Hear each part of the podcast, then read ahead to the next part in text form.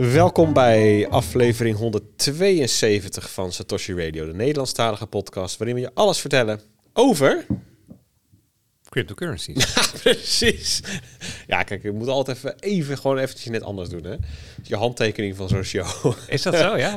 ja, dat vind ik wel, ja. Ik denk, ik heb even de tijd om alles te controleren. Deze keer wel geluid is. Allemaal dat soort dingen heb ik even, even, kan ik even checken. Ja, maar. dit, is, dit is ongekend. Dat, uh, weet je, hoe dat met Bert gaat. Die komt binnen, pakt bak koffie, nog wat eten, even alles naar binnen werken. Zo, ook avond gegeten, zegt hij dan. En dan gewoon aan de slag. En ga met die banaan. Maar eerst, ik ben uh, Peter Slachter. Ben die, ja, nou, dat heb je al gehoord met de enige echte Bertus. Um, Bart is er niet. Die zit met zijn uh, vriendin in Mexico. Mexico? Mexico. Dus die is, um, ja, volgens mij was het eergisteren. Ik denk eergisteren. Eergisteren is die vanuit... Nee, zondag was het al. Zondag is hij vanuit El Salvador richting Mexico gegaan. Is nog even van zijn vakantie aan het genieten, maar wees gerust. Hij is jullie niet vergeten. Dus, dus, aan het eind van deze aflevering uh, gaat hij zichzelf er nog even tussendoor mixen. Dus hij heeft ook nog een, uh, een afscheidscadeautje vanuit El Salvador. Dus uh, komt ook gewoon aan, bod. Um, de podcast wordt, net zoals heel veel afleveringen hiervoor, al mede mogelijk gemaakt door Anycoin Direct, Bitcoin Meester, Watson Law, Ledger Leopard, Bitfavo, Amdax, Van Eck en Blocks. Um, en alles wat wij vertellen is op persoonlijke titel, moet niet gezien worden als beleggingsadvies. Nou, ik, ik heb wel ander advies gekregen van de week. Naar aanleiding van onze, uh, ja, onze vuurdoop vorige week. Ja, de, de achtergrond en het, de setting was toch wel wat saai. Wit, klinisch. Dus nou, ik heb nu voor de mensen op YouTube ik heb een plantje. Ja, het is eigenlijk, eigenlijk is het een heg, alleen hij is nog, moet nog groeien. ja, het, het, is het begin van een ja, hele volle plant. Maar wel echt een pril begin. Ik heb een biertje erbij. Dat is ook gezellig. Heb ik ook voor Bert klaargezet. Zijn nog dicht. Ik denk dat hij even wacht tot wat later op in de show. Um, dus ik hoop dat dit iets beter voldoet aan de standaard. Het is, het is niet Bart's studio. Die is gezelliger. Moet ik zeggen, ik vind eigenlijk mijn kantoortje thuis ook een stuk gezelliger dan ja, dit. Maar het, ja. is, het is, maar goed, het is wel, eigenlijk is het wel het thema van de, van, de, van de uitzending is de tandarts. En daar komt het dan nog wel aardig bij in de buurt. dat is wel waar, ja. Ja, ja dit, dit heeft daar wel... Nou, maar aan de andere kant ben ik ook heel blij dat we hier gebruik van kunnen maken. Want dit, uh, dit maakt het wel weer een stukje makkelijker om zonder Bart zijn apparatuur gewoon even een aflevering op te kunnen nemen. Um, dat gezegd hebben, vul je ziet nergens in. Um, ja, dat doe je gewoon niet. Ja, voor jezelf. Um, Breeze moeten we ook even wat over zeggen. Want ja, weet je, als je het leuk vindt om die podcast-app te gebruiken en via Breeze ook wat sats naar ons toe te streamen, ja, dan is dat natuurlijk hartstikke gewaardeerd. En wil, nou, wil je bijvoorbeeld een eurotje per uur betalen, dan stel je de app in op 41 sats per minuut. En dat hebben we van de website sats.trading gevist. Dat is een handig siteje. Kun je even kijken wat, wat, uh, wat doen je sats nu voor euro's of voor dollars. Dat is een community projectje. Uh, en hartstikke cool. Dus ga daarheen als je iets over sats en de waarde van sats wil weten. Wij zijn bereikbaar via Telegram, Twitter. Uh, de links vind je op satoshiradio.nl, ook op lekkercryptisch.nl. Um, ja, als je ons wil steunen op een andere manier dan via Breeze, dan kan je ook links vinden op de websites hoe je dat dan kan doen. Ja, en dan nog Bitcoin Alpha. Was dat? De enige nieuwsbrief die je beschermt en versterkt. Ja, precies. Jongen, dit, dit begint al een, een, het wordt, een, een gesmeerde... Een soort reclame. Ja, ja, ja, ik vind het heel goed. Um, ja, hey, hoe is het met je, Bert? Gaat goed? Ja, ja, ja. Ja, eigenlijk wel. Het was een beetje een moeilijke week of zo. En uh, nu zag ik dat vandaag de Bitcoin-koers weer boven de 48.000 dollar sta stond, staat vanmiddag. Verbaas mij. Dat is best snel gegaan. En weer. dat, is, dat geeft toch gewoon de avond wel weer een beetje kleur, moet dus zeggen. die prijs hè, is dan toch wel een dingetje. Ja, maar goed. Het is, kijk, en dan kun je natuurlijk nu een heel stichtelijk verhaal ophangen over de adoptie en bla bla. Maar eigenlijk is het gewoon, gewoon leuk om dat te kijken, vind ik. Ja, ja, ja, vooral als die omhoog gaat, vind ik dan hoor. Ja. Maar goed, dat is persoonlijk. Ik denk dat heel veel mensen dat vooral, vooral als omhoog... Ja, dat is, wel, dat is wel zo. Kijk, prijs blijft natuurlijk wel gewoon belangrijk. Ik zie ook vaak in Telegram, als er iets gebeurt met de prijs... Ja, dan zie je het daar vaak als eerst. Dan worden Kijk, er grafiekjes in de chat gegooid. En ik vind, ik vind het leuk dat uh, de Stoshi Radio community... Um, uh, niet, zeg maar, zo um, religieus erover is dat je het er niet over mag hebben eh, het ook wel weer gewoon de, voor, de eerlijk vooruitkomt dat het gewoon af en toe wel grappig is om te volgen. Maar dan ook wel weer met een gezonde dosis zelfspot. Hè. Kijk die koers, weet je. Dit is gewoon net even het, precies het goede optimum tussen serieus nemen en er ook om kunnen lachen. Ja, zeker weten. Maar we hebben natuurlijk ook vaak uitgelegd dat het op zichzelf ook best wel belangrijk is, die prijs van bitcoin. Maar dat rabbit hole, dat laten we even liggen. Ehm, heb je trouwens al um, de cryptotrein gehoord? N nou, um, ik had de eerste uitzending al eerder gehoord, omdat ik die mocht luisteren uh, als soort van preview. Omdat Oh, ja, even, even voor de mensen die niet weten wat, wat de crypto-trein is. Dat is een nieuwe podcast over um, cryptocurrencies, of over ja, de crypto space van... Um, ja, hoe heet het ook? Tony Media heet het, hè? Ja, dat is, is dat, dat is het bedrijf van Sander Schimmelpenning? Klopt, die maken een hele rits aan podcasts, waaronder deze. Mark Koster is de journalist die dan um, Ja. daar zit. Hè? Um, Die de gesprekken doet, interviews doet en zo. Ja, volgens mij is hij freelance journalist. Hij, hij uh, doet meer economie-onderwerpen. En um, ja, die, die is volgens mij vandaag gelanceerd. Ja, vanmorgen vroeg. Ik zag hem vandaag in ieder geval voor het eerst. Dus. Ja, dus de eerste uitzending staat nu, de eerste episode staat nu online met um, Michael van der Poppen. Crypto Michael. Crypto Michael. Ja. En de tweede, dat, uh, dat, daar was ik de gast bij de tweede. Daar ben ik ook benieuwd naar. Ik vond die met Michael ook hartstikke leuk. En ze zijn kort ook. Dus het is ook wel, het zijn makkelijke snacks. Ja, dat is volgens mij is dat idee van uh, het heet crypto trein van dat je samen even in de trein zit en eventjes uh, tussen twee stationnetjes 20 minuten even kletst over, uh, over crypto. Beetje, dat is volgens mij een beetje de, de achterliggende. Dus het is, ja, ik, ik, ik was een beetje van tevoren toen ik het hoorde, toen de, de redactie me benaderde van een beetje sceptisch van wat, wat, ja, we hebben al zoveel. We hebben de Bitcoin Show, dat is, hè, je hebt um, social radio, je hebt CryptoCast. Ja, daar heb je best wel al drie heel verschillende manieren om, er, om ernaar te kijken. Wat, wat moet er dan nog bij, weet je wel? En dan heb je op YouTube natuurlijk ook nog weer ja. allerlei uh, uh, dingen. En ik vind toch wel weer een leuke aanvulling. Oh ja, Hub Bitcoin heb je natuurlijk ook nog. Hè, van, uh... Ja, ik denk dat ze bij de CryptoTrein gewoon gekozen hebben voor de inverse van Satoshi Radio. ja, ja, de, de, de, leukste podcast. Ja, ik bedoel, dat is moeilijk om dat te evenaren in dat format. Gewoon 2,5 uur uh, slappe ouwe hoeren met drie man. Dus laten wij gewoon hele korte doen. Um, ja, dus een leuk tipje. Als je nog eens een keer een klein rondje wandelt, kan je zo'n crypto-trein aflevering aanzetten. Best leuk. Um, ja, ik, ik, ik vond het wel echt een uh, toffe week. Gewoon uh, vooral dat stuk dat Bart in El Salvador zat. Echt die berichten die daar vandaan kwamen. Alle, alle berichten. Eh, gewoon, gewoon zijn interviews en zijn rapportagewerk op, op, op Instagram en zo. Heel erg leuk om, te, om mee te krijgen. Goed, ja, er zat wel uh, wat prijsactie tussen waar je dan misschien wat minder gelukkig van wordt. En natuurlijk die special, hè, want ik, ik had in mijn agenda had ik, uh, aflevering 171 staan. Dat zie ik nu nog steeds. Het is tijd voor aflevering 171, maar er is er gewoon eentje tussendoor ge gefietst.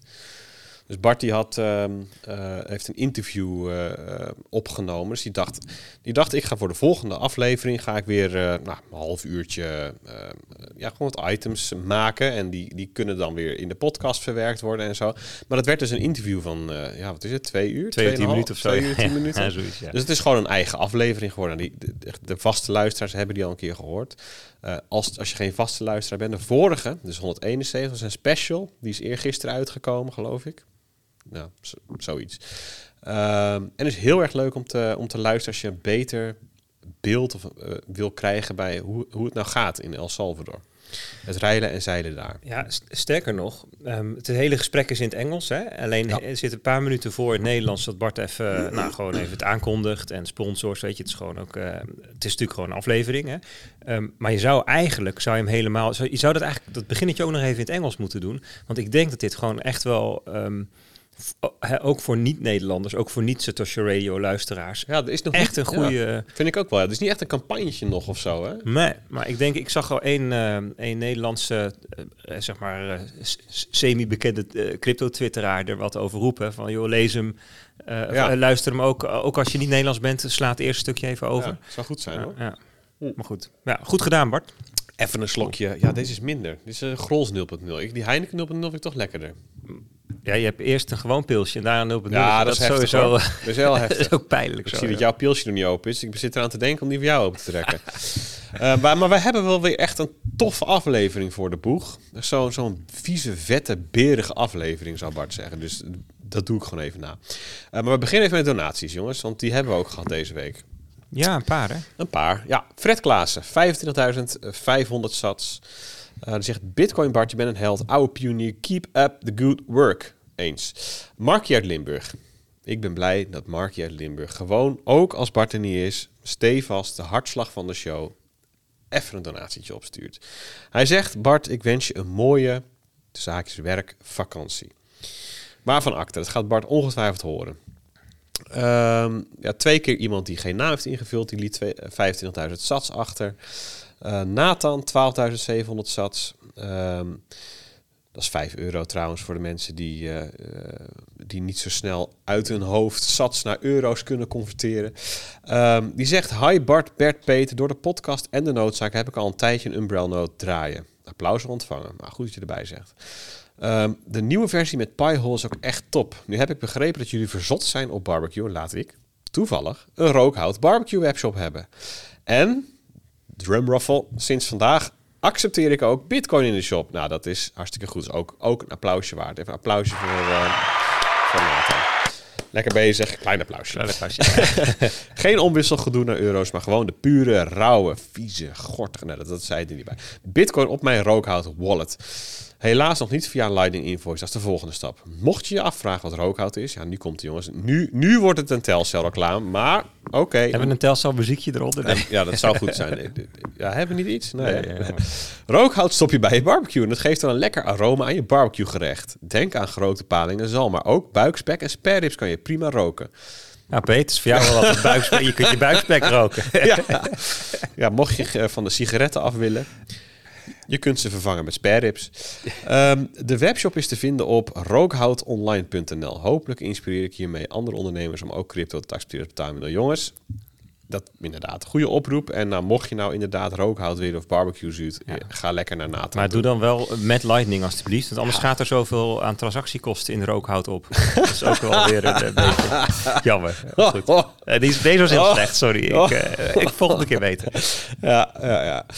Inderdaad. Edward, 51.000 sats. Um, zegt, hoi Bart, te gek dat je naar El Salvador bent gegaan. Geweldig wat je hebt laten zien uh, hier aan het thuisfront. De helft van deze satjes zijn voor jou om weer in Nederland uit te kunnen geven. Bitcoin en Lightning educatie blijkt het belangrijkste te zijn voor adoptie onder alle lagen van de samenleving daar.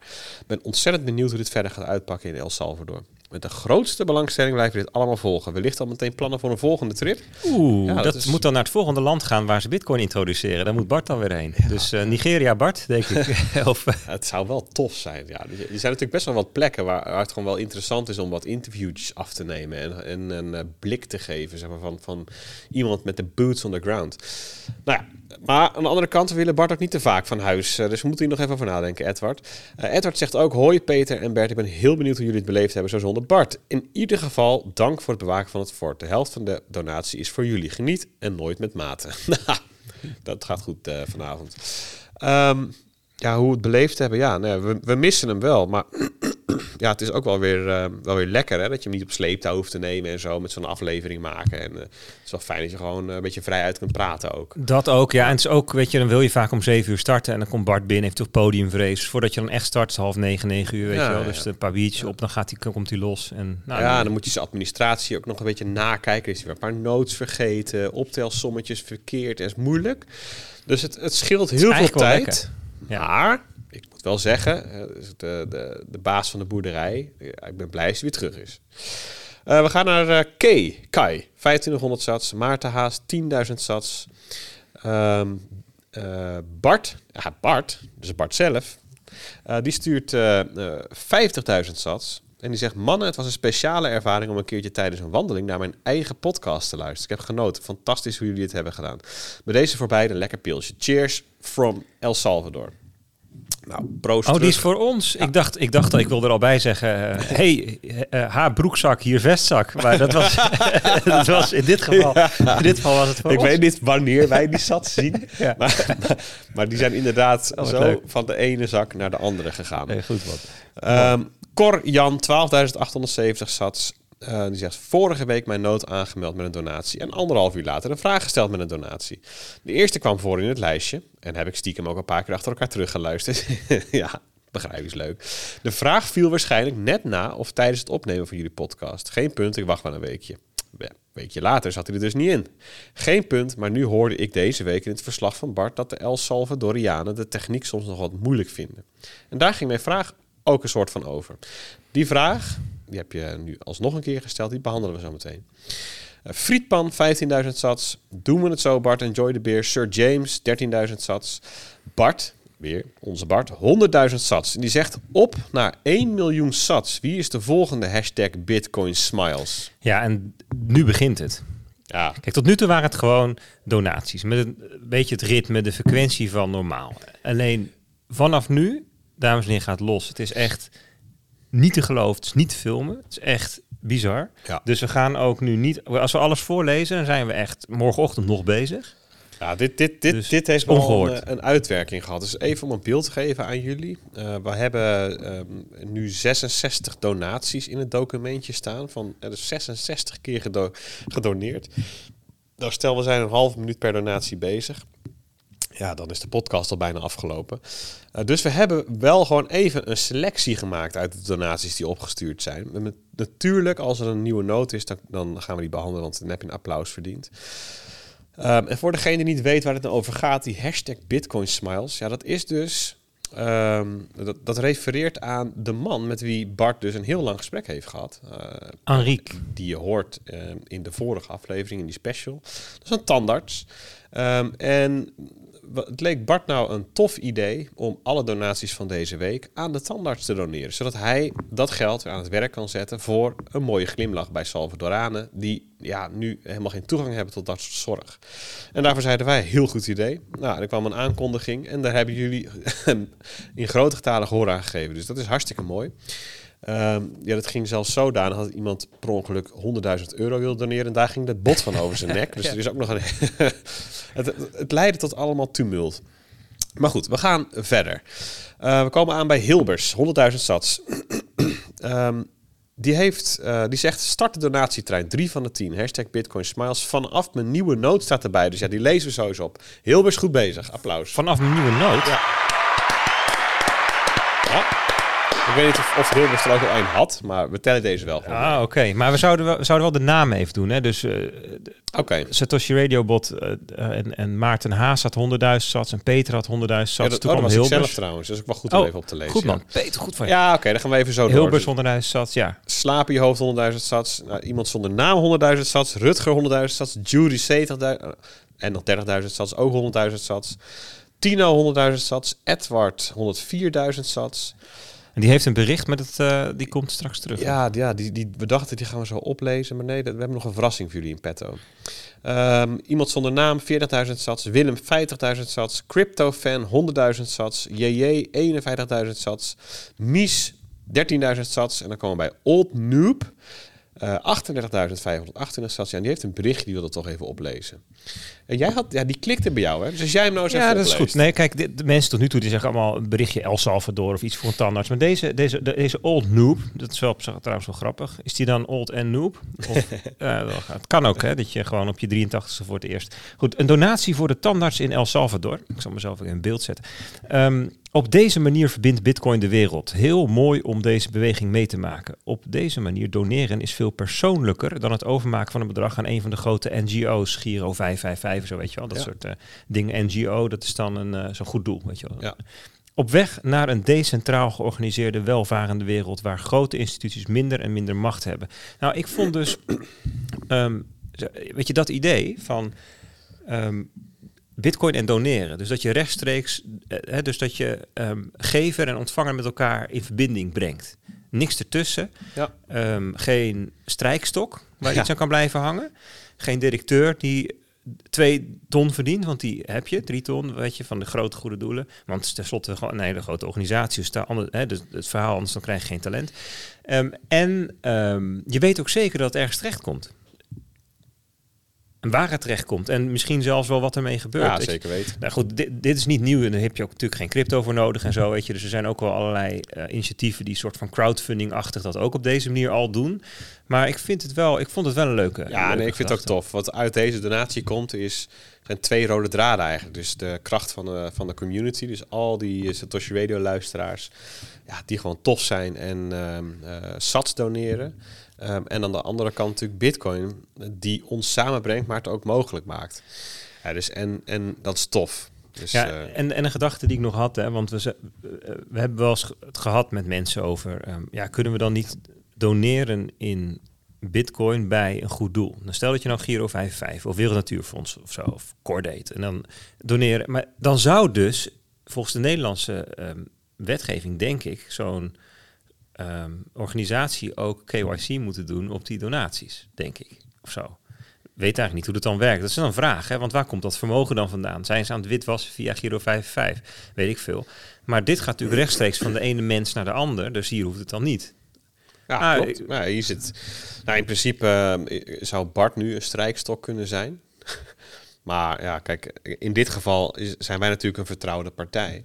En wij vertrouwen erop dat Bart alle sats natuurlijk door Maar gaat sturen. maar het had ook uiteindelijk gewoon rechtstreeks de- naar de tandarts Ja. gekund. En En dat, gaat, weer minder leuk zijn, want dan, ja, dan is het niet een community effort. precies. Eh, dus eh, ik denk dat we, dat we hier een goede eh, middenweg hebben. Eh Kai- Kijk Mundo. ik geen idee of ik je naam goed uitspreek. 51.000 sats. Fleur 70.000 sats. Rudiano 26.000 sats. Bart. Bart. 100.000 sats. Ja, onze Bart. Lees ik even op. We zitten al op anderhalf miljoen sats mensen. Wat een toppers zijn jullie. Let's keep it going. Bij elk miljoen leg ik 100k in. Op naar de 2 miljoen sats. Ja, dus is maar even. We zijn nu bij donatie 34. En dan zaten we dus kennelijk al op anderhalf miljoen sats. Ik heb dat niet nageteld, maar moet je nagaan. We gaan door. Eh, nodig 20.000 sats, Smoosh 50.000 sats, Rick 100.000 sats, Dennis 65.000 sats, Guido Want 40.000 sats, Vincent veer- 40.000 sats. En die zegt, fantastisch interview met Enrique. Geeft een heel mooi inkijkje in het leven in El Salvador en tof om wat meer te weten te komen over de situatie daar. Echt props voor de content die jullie maken. Ik mis niks meer. Interview nog niet eens helemaal afgeluisterd, maar hyped om te doneren. Bij deze en keep up the good work, lads. Nou, bedankt voor de veren, sowieso. En eh, deze hadden we toch nog even gearseerd om even uit te spreken. Gewoon om ook Bart nog wat extra veren te geven. Want dat interview was ook heel fantastisch. We hebben het er al kort over gehad. Eh, maar heb je goed gedaan. Ehm, leeg. Geen naam. Iemand die geen naam heeft opgegeven. 10.000 sats. Thea. Thea uit Spanje? Zou wel leuk zijn. Ja, hè? zou kunnen. Spaanse sats. 97.000 sats. Pieter Skiff 133.000 sats. Friedpan 100.000 sats. Anoniempje 26.000 sats. Eh, nog een keer anoniem 26.000 sats. Tristan 300... s- Pardon? Goedemorgen. 397.200 sats. 154 euro in één donatie, jongens. Zet maar een extra streepje in de kolom van nieuwe notes. Naar aanleiding van je reis naar El Salvador en vooral het interview met dokter Enrique Berrios, eh, vind ik dit de perfecte gelegenheid voor mijn eerste Lightning Note betaling. Lightning betaling. Fix the money, fix the world, fix the smiles. Ja, ik heb een applausje klaarstaan. Heel goed. Lekker gewerkt, Tristan. Heel mooi.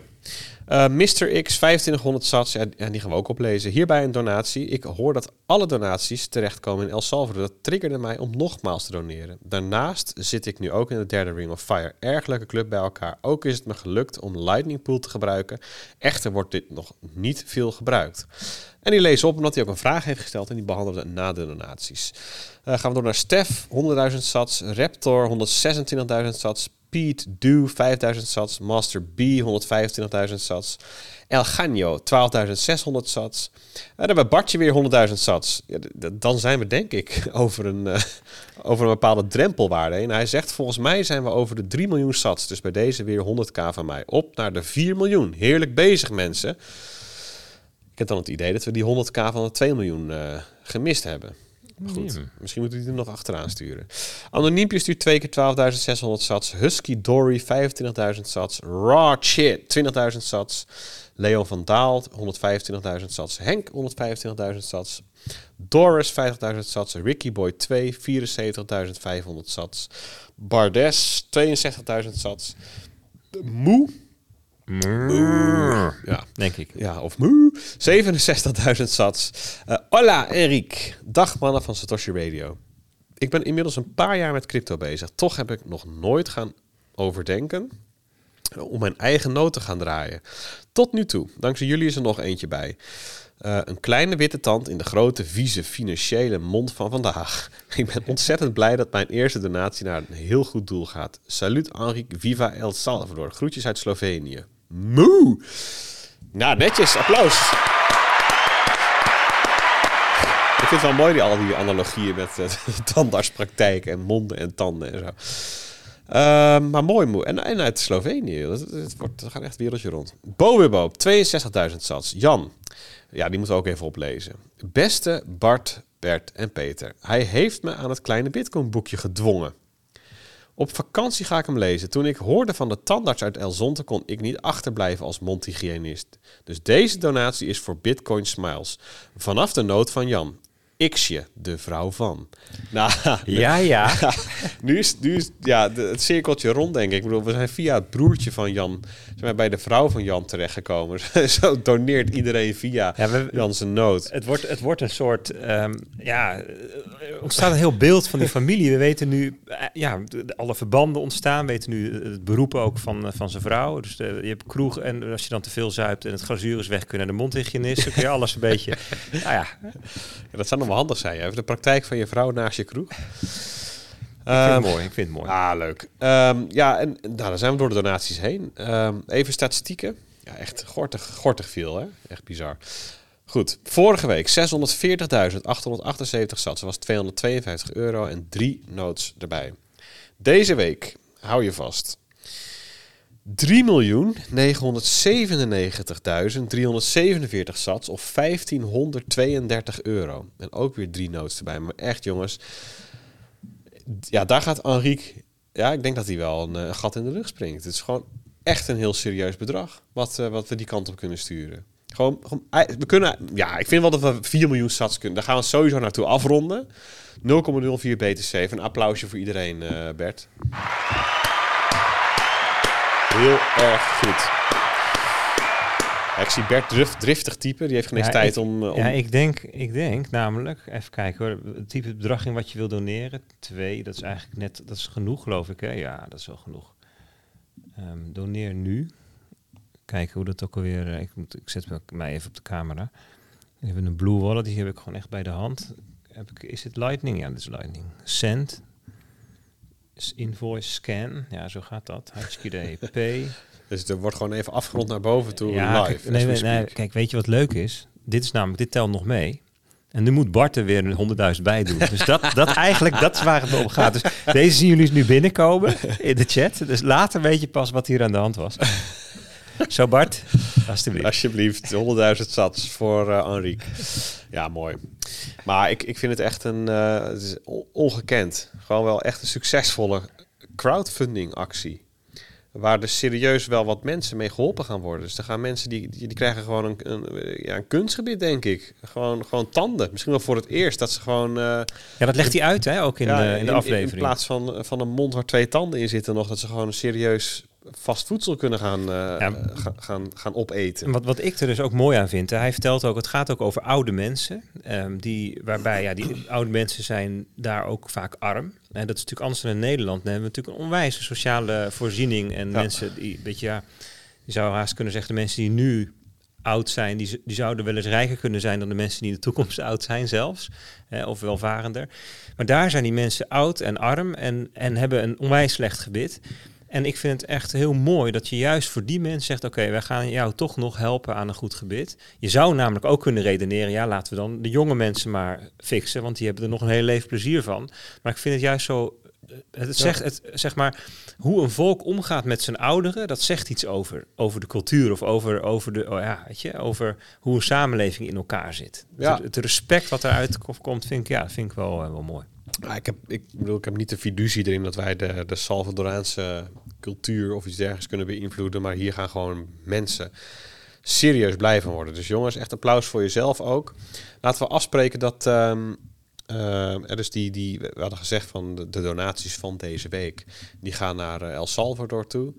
Um, dat loopt totdat uh, deze aflevering waar je nu naar luistert gereleased wordt door Bart. Dus dat zal ergens op donderdag zijn. Er zit dus nog een uurtje of Ja, ik denk nog wel een uurtje of uh, 16 of zo tussen nu, het moment van opnemen, en het moment van, uh, van het stoppen van de actie. Um, dus ik denk dat we, dat we ruim over die 4 miljoen heen gaan. Maar dat is wel echt iets om trots op te zijn.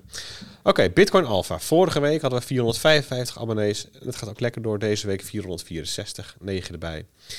ben je nog geen abonnee? abonneer je dan. probeer het een maandje. ik weet eigenlijk zeker dat je daarna gewoon blijft plakken, want het is het waard. Um, zullen we eens naar de luisteraarsvragen gaan, Bert? Lijkt me een goed plan. Corian, die had een vraag over payment channels. Die zegt, waarom kan je met Lightning niet gewoon sats ontvangen, ook als je geen inbound liquidity hebt? Net zoals je met cash nu gewoon een tientje van iemand kan ontvangen zonder dat je ooit eerder een transactie gedaan hoeft te hebben.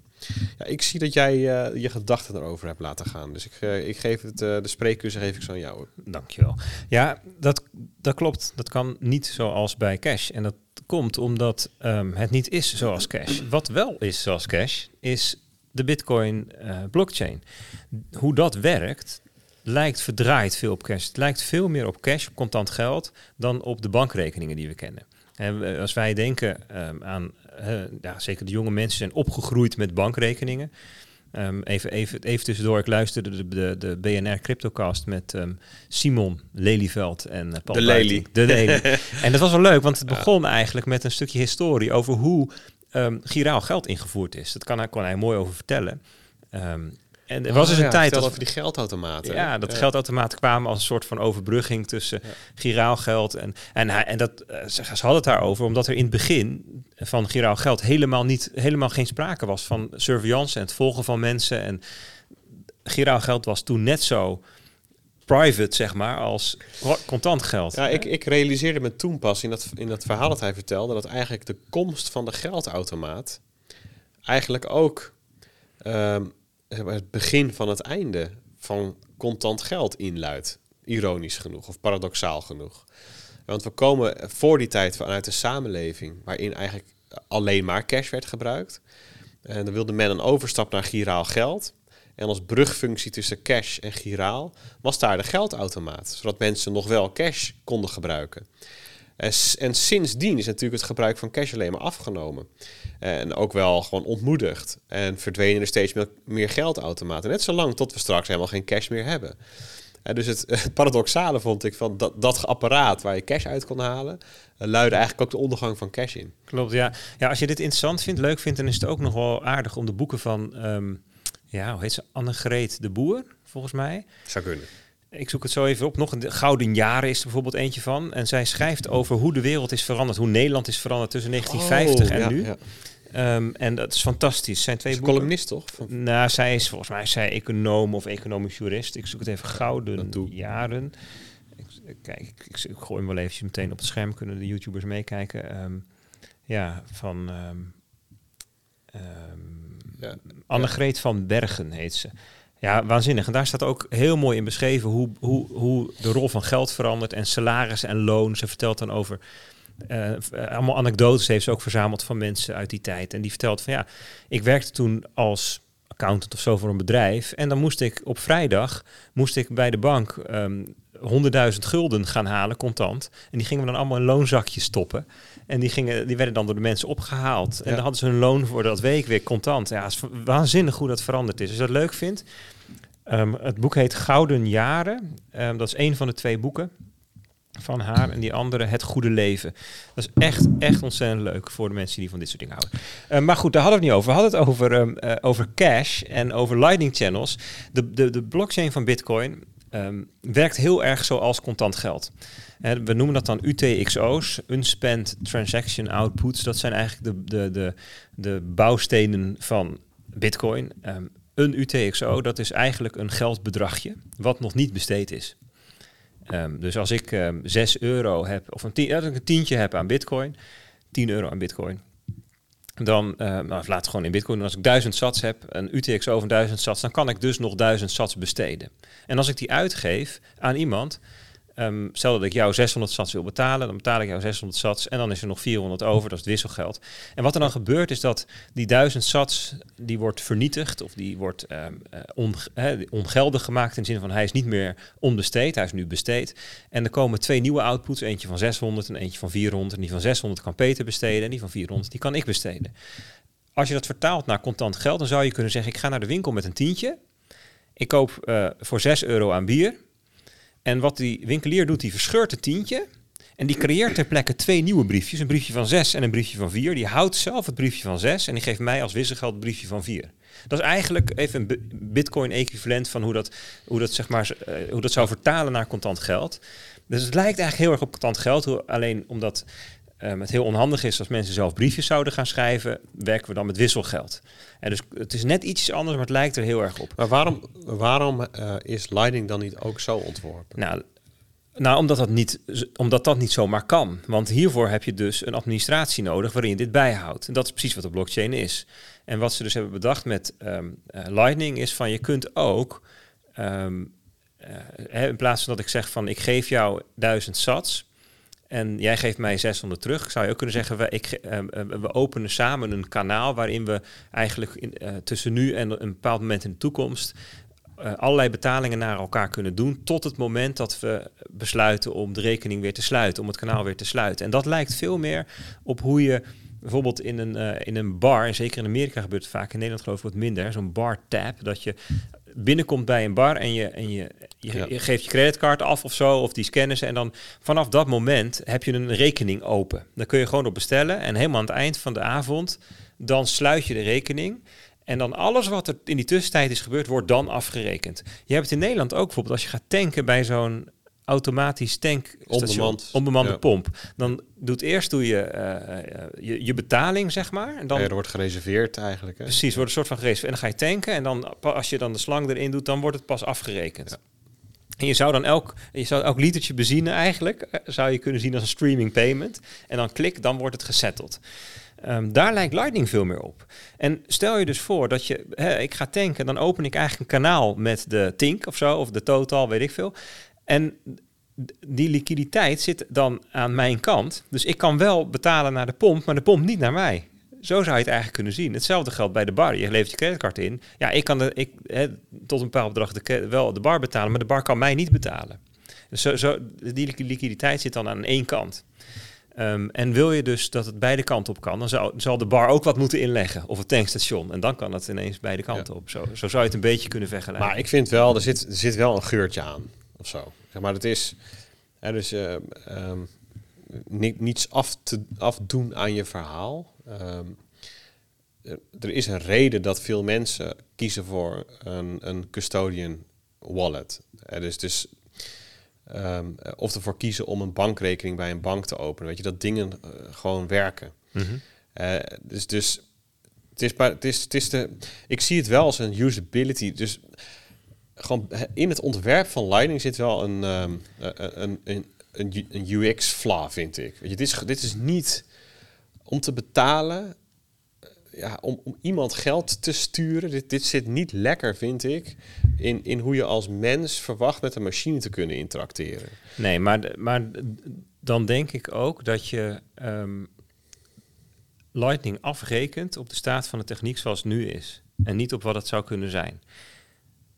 Tenzij jij zegt, er zijn fundamentele, wiskundig, natuurkundig uh, bepaalde grenzen, waardoor Lightning nooit gebruiksvriendelijk kan worden, pertinent niet. Het kan niet. Uh, zwaartekracht, whatever. Gewoon een of andere natuurwet die dat um, onmogelijk maakt. Maar ik denk dat dat niet het geval is. Ik denk dat het Lightning-netwerk wel gebruiksvriendelijk te maken is. Door slimmere, betere techniek. Ja, ik maar ik ben een tech-optimist en dat zegt Bart ook altijd ja. mij. Ik ben een pessimist. Volgens mij wordt het gewoon, blijft het gewoon. Ja, ik, ik, moet het nog zien. Zeg maar, het betaalkanaal is redelijk fundamenteel aan het Lightning-netwerk. Dus, dus het verplaatsen van liquiditeit ook. Ja, misschien dat al dat soort dingen allemaal weggeabstraheerd worden met automatisch exact. aanvullen van kanalen enzovoort. Um, en dan zou, je, dan zou je wat Cor nu beschrijft dus ook gewoon kunnen doen. Uh, maar goed, dat moeten we nog maar zien. Um, laten we naar uh, Mr. X gaan. Die had een vraag over Bitcoin in El Salvador. Die zegt: Wat is jullie beeld qua educatie in El Salvador als mensen Bitcoin beter begrijpen? Hoe het werkt, wordt de acceptatie dan groter of is dit nog te vroeg om vast te stellen? Ja, eerst toen ik dit las, dacht ik van ja, dat vind ik moeilijk om te beantwoorden. Daarna had ik um, Bart zijn interview geluisterd. En dan denk ik dat dat mijn beste bron is eigenlijk. Want daar vertelt iemand best wel genuanceerd over hoe El Salvador werkt. Ehm, en een van de um, ja, belangrijke ideeën die naar voren kwamen, is dat uh, Salvadoranen gewoon heel sceptisch zijn over nieuwe ontwikkelingen. Eh, en dat komt omdat ze gewoon af, de afgelopen 30 jaar, misschien nog wel meer, zeg maar, zijn er nieuwe ontwikkelingen aangekondigd. En heb, heeft ze dat voornamelijk pijn gedaan in plaats van dat ze er beter van werden. Um, en ja, heel veel mensen die staan dus ook tegenover de komst van Bitcoin. Van, ja, ik moet het nog maar zien. Ik gebruik nu liever gewoon wat ik ken en dat is de dollar. Um, even afgezien nog van uh, dat een heel deel van de economie echt cash-only is. En je ook kunt afvragen vragen of Bitcoin daar nu in de huidige vorm in zou kunnen passen. Heel ander soort interacties. En dan moet je denken, je loopt langs een kraampje, je gooit geld in een mandje, neemt fruit mee. Weet je, dat is, ja, is niet te vergelijken met hoe wij interacteren met elkaar en, en hoe wij dingen ruilen, zeg maar, hoe wij geld gebruiken. Um, dus ja, ik denk dat die educatie heel belangrijk is en dat daardoor de acceptatie groter wordt. Maar ik denk dat wij al snel overschatten hoe snel dat gaat. Dus dat gaat heus wel een, gaat wel jaren overheen, minimaal, zeg maar. Eens? Ja, ik denk het wel. Kijk, dan gaan we naar de Ring of Fire update. Ja, ik, ik weet nog niet of dit een vaste uh, rubriek wordt. Ik, ik meende wel van zo'n zo geluid ging er wel rond in de, in de wandelgangen van de Satoshi Radio. Maar hoe dan ook, we gaan het gewoon even proberen. Ring of Fire, ja, dat hebben jullie vaker langs horen komen. Dat zijn de um, ja, allerlei ondernemende mensen bij elkaar. Uh, die, die, die toffe dingen doen met het Lightning-netwerk. En met elkaar eigenlijk het Lightning-netwerk versterken door liquiditeit toe te voegen op een slimme manier. Um, en ja, ik kreeg wat anekdotes doorgestuurd en ik zag een sheet, want de community die houdt allerlei cijfers erover bij van wat, wat gebeurt er nou in die Satoshi Radio Ring of Fire community. Toen dacht ik, joh, wie kan er nou beter over vertellen dan iemand die daar middenin zit? Uh, dus ik dacht, we bellen gewoon even met Edward. Dus um, ja, ik heb uh, Bert gevraagd om, en, en Edward ook om even te kijken, even te testen van tevoren met een, uh, een Telegram-verbinding. En als het goed is, zit Edward te wachten. Als, als het goed is, horen jullie ook de verbinding over. Goedenavond. Sterker nog, als het goed is, horen jullie Edward's stem. ik wel in ieder geval. Buenas noches. Ik zie hem, nog niet. Buenas noches. Kijk eens even. We zien hem ook. Hey. Ja, geweldig. Hey Edward, precies. goeie avond. Het werkt gewoon. Ik, Fijn dat het werkt. Ik ben blij om je stem te horen. Dat het werkt. Dat het niet gewoon bij voorbaat al misgaat.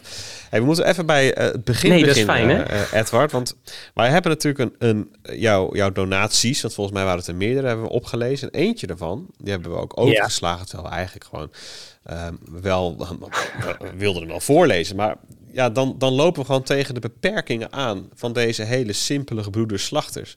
Want jij schreef hem in het Spaans. En mijn Spaans, ja, gaat hem niet worden. Uh, terwijl ik denk dat Enrique het best leuk zou vinden uh, om dat berichtje te horen. En, en, en, ik zie Bart ervoor aan dat, dat hij, als jij dat, die donatie even voorleest, dat hij dat gaat knippen en even aan Enrique door gaat sturen. dus zou jij die, die ene donatie even willen voorlezen voor ons? Ja, tuurlijk, tuurlijk. Het is leuk, want jij spreekt het uit op zijn Frans. Oh, ja, Tenminste, ja. voor, ja. voor mijn gevoel. Zeg je, ik kan, Enrique ik kan, is het gewoon natuurlijk. Ik, ik kan, maar Spaans, ja. Spaans is voor mij al, ja. Jij hebt nooit Spaans gehad, hè? Ja, ik heb het twee maanden gehad en toen oh. heb ik het... Uh, ik weet nog wel dat ik moest uh, Mercedes of zo. Mercedes, ja, dat is echt zo'n typische Spaanse naam. ja, dan, dan, dan, moest ik dan op oefenen. Maar ik, ik, ben, ik, nee, ik heb geen talen. Ik ben wat dat betreft meer... Ik neig meer naar beta dan naar alpha. Uh, behalve als het om bitcoin alpha gaat. Ja, de bitcoin beta had ook gekund. Maar goed, jij gaat mij laten horen hoe je jouw bericht had moeten uitspreken. Nou, ik ben, uh, ben benieuwd. En dan mag je het eigenlijk ook oefenen dan daarna. Ik, ben, ik was eigenlijk wel benieuwd als je het zou voorlezen. Maar nee, ik uh, heel graag. Uh, Enrique, gracias por contarnos tu historia muy especial. Nos da una visión cautivadora de, de El Salvador y nos ayuda a comprender mejor la vida ahí. Espero que esta contribución puede ayudarte a muchos otros. Todo lo mejor y un abrazo desde los Países Bajos. Eduardo. Ja, het is vooral de R. hè? Ja, wacht even. de- de- ik bedoel, Eerst een applausje. Eerst een applausje. Ja. Ja, het is wel... Kijk, voor jou is het applaus waardig, maar het is gewoon eh, Edwards eh, moedertaal. Dus Ja, het ik- je, eigenlijk zeg je nu tegen iemand... de- Het is een beetje zeg, goh, Nou, spreekt gedaan. Ja, Ja. Wat, spreekt, wat spreken die Chinezen toch goed Chinees? wat goed, knap Het zeg. is toch, ik, ik vind het al een applaus waard dat hij gewoon even aanschrijft in de show. Dat is waar. Nee, Ik nee, bedoel, tuurlijk, eh, maar, tuurlijk. maar misschien klap ik nu wel Nou, voor, wel voor een trots Edward op die ons aan het uitschelden is. Ik weet ook niet wat hij heeft gezegd. Wat, wat Ja. heb je eigenlijk gezegd? Daar was ik al bang voor. Maar ik heb het niet tegen jullie gezegd, gelukkig. Nee, ik heb eigenlijk gezegd: ehm, bedankt voor het delen van je verhaal, van je bijzondere verhaal. Eh, het geeft ons een beeld van El Salvador en eh, laat ons eh, leren over het leven, hoe, de, hoe dat, dat daar is. Ik hoop dat deze ehm, donatie jullie kan helpen en aan heel veel anderen. En dan schrijf ik todo lo mejor, eh, het beste. En een abrazo is een knuffel. Eh, en de Países Bajos, hè, dat zijn natuurlijk de lage landen. Ja, ja. Ja, precies. Maar we hebben ook al een reactie, toch? Van, eh van Enrique. Ja, geweldig. Peter. Ja, die- ja die- daar is een videootje van, hè? Ja, zal ik die even erbij Oh. kijken of die erbij kan pakken? Dat is natuurlijk nog wel weer leuk. Ja, dus ik had even de chronologie niet goed. Nee, dus ik, ik hier een videootje.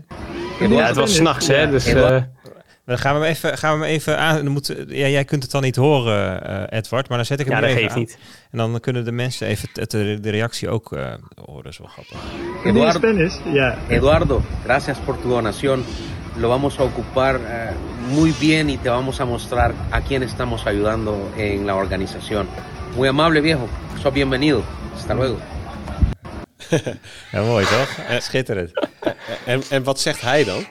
Hij zegt eigenlijk, eh, nou, hij zegt natuurlijk bedankt voor je donatie. Het is hier supergoed besteed. En we zullen terugkoppelen aan eh, wie allemaal eh, geholpen worden binnen onze stichting. Dus hij wil het echt laten zien. Enorm bedankt. En dan, dan zegt hij, dat vind ik heel erg leuk, dan moet ik aan Bart denken. Muy amable viejo. Dat is eigenlijk gewoon oude reus. Zegt hij vriendelijk, vriendelijk bedankt oude reus.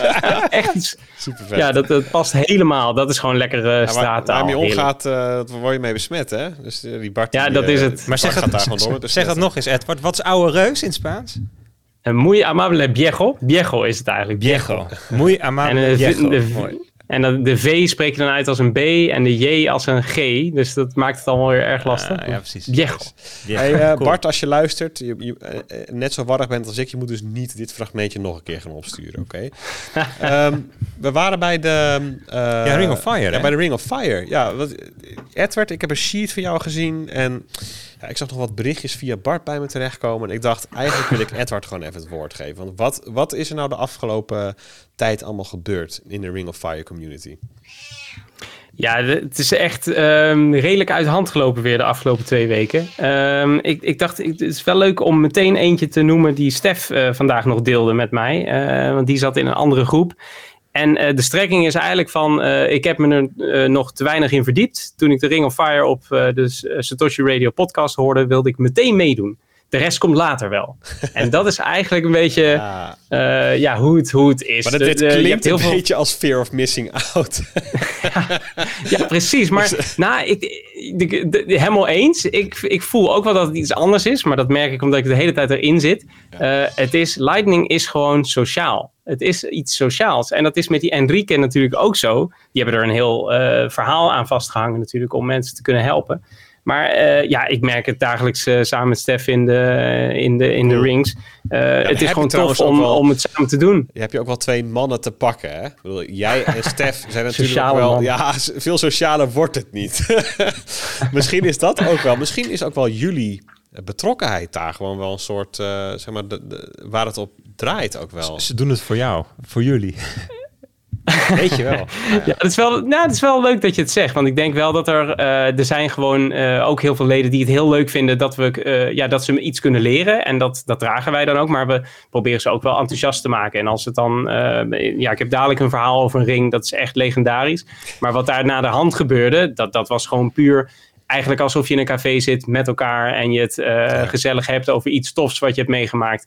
En eh, ja, dat, dat is gewoon leuk. Dan, dan betekent dat de sfeer gewoon goed is. Ook al ken je elkaar niet, heb je toch het gevoel dat je elkaar kent. Ja, Maar vertel, superleuk. vertel dat ja, een verhaal. legendarisch verhaal. Dat, dat klonk goed. Het legendarisch verhaal. Ja, eens even kijken hoor.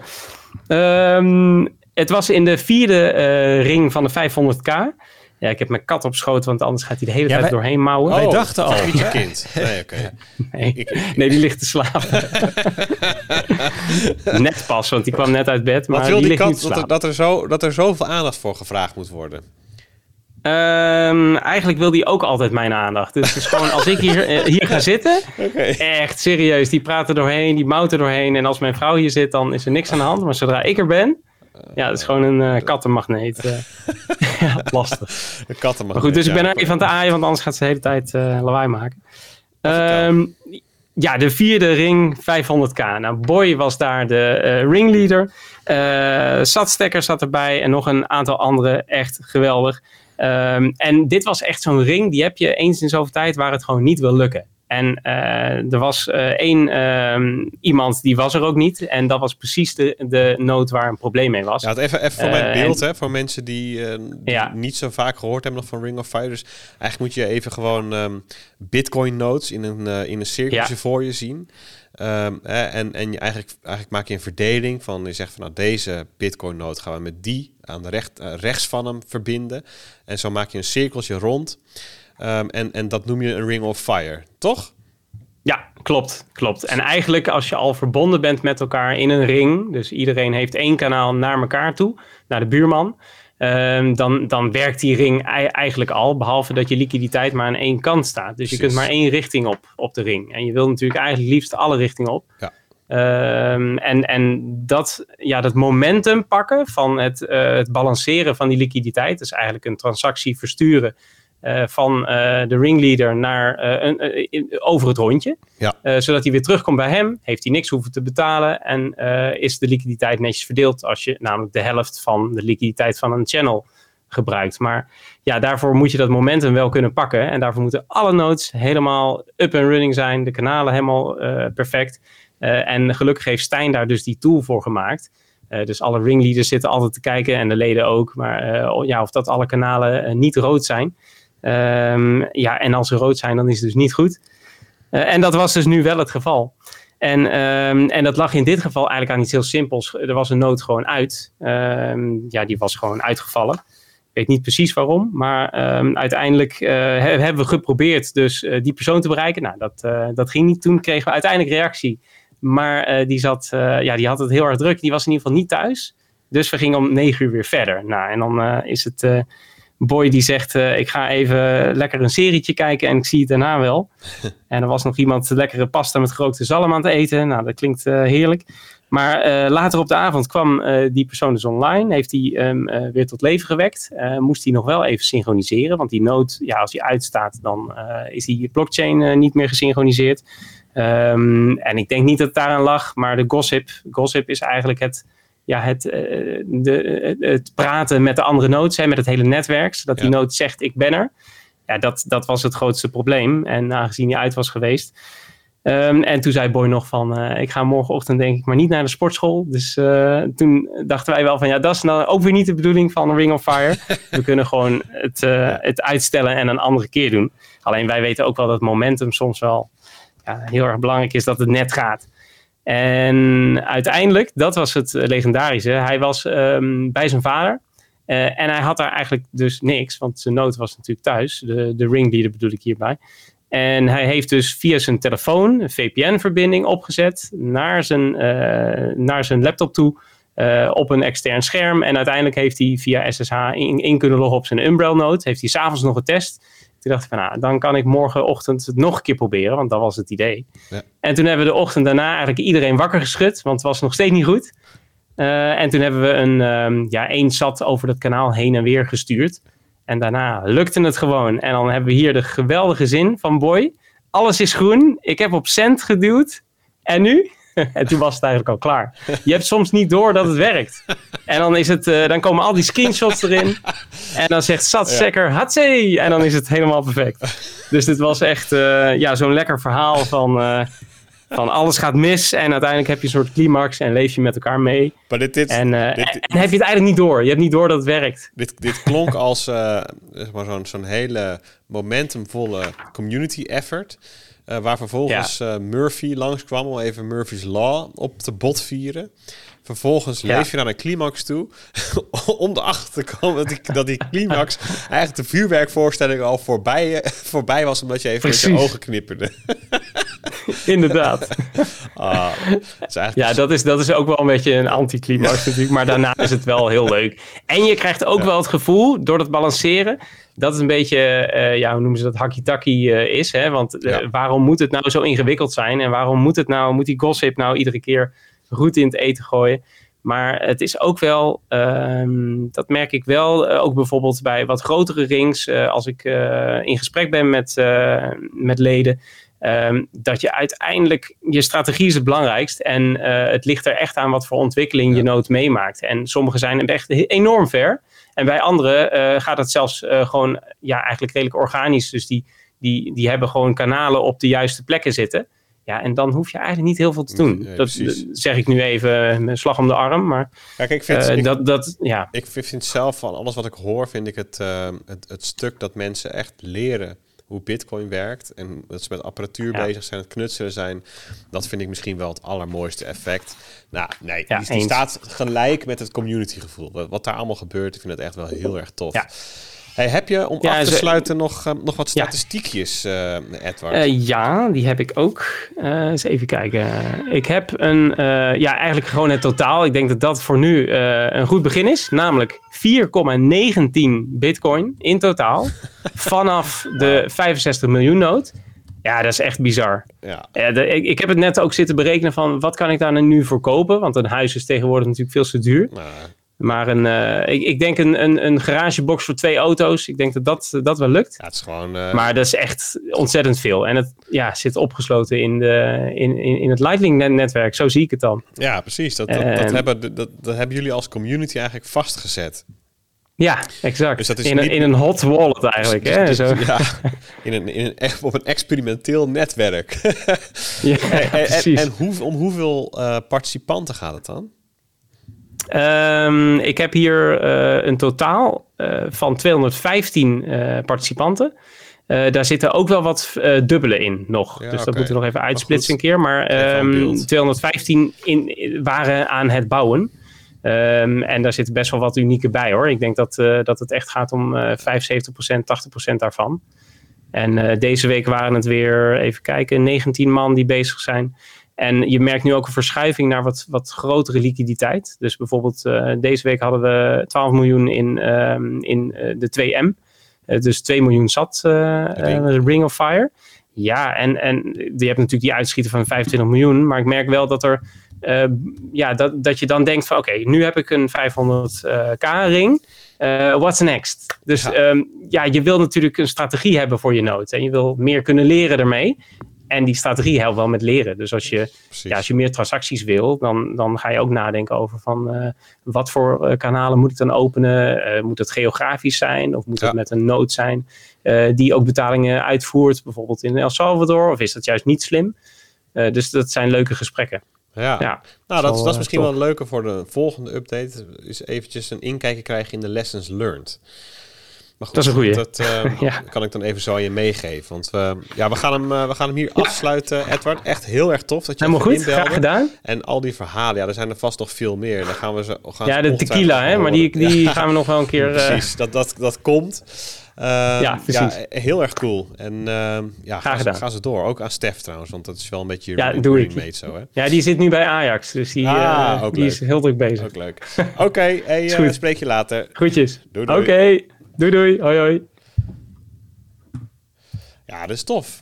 Dat is tof, toch? Zeker. Um, ja, mocht je nou luisteren en denken van, hebben die mensen het over? Nou, Ring of Fire, ja, je, je kent het Lightning-netwerk waarschijnlijk. Uh, je kent Bitcoin. Je denkt, wil, wil, lijkt, je, lijkt je het leuk om eens met Bitcoin aan de slag te gaan, te gaan knutselen met hardware, met software? Maar dan is dit echt een hele toffe Satoshi Radio community tak om je aan te staan. Je hoort Edward, die ontvangt je met open armen. We gaan naar uh, in het kort, als je het goed vindt. Ik vind het goed. Ik Nou, ben eventjes eh, de, dat is top. de Ja, jij ruimt even de brokstuk op. communicatie aan het managen. ja, precies. Ja. Ehm, kan- ja, misschien wel goed. Ik, ik moet natuurlijk nog eventjes de volgende gast, ja, de spoiler alert, moet ik natuurlijk ook even verwittigen. Hè, van, Oh, dat ben je een beetje laat mee, denk ja, ik. misschien wel, ja. Dan zeg ik, hey, eh, hey over vijf minuten ben Nou, jij aan of, de of beurt. drie, of twee. Ja. Ja. want het eerste, het eerste in het kortje is, eh, denk ik echt wel kort, maar wel leuk op zich. Het gaat namelijk over Paxful. Wat is Paxful?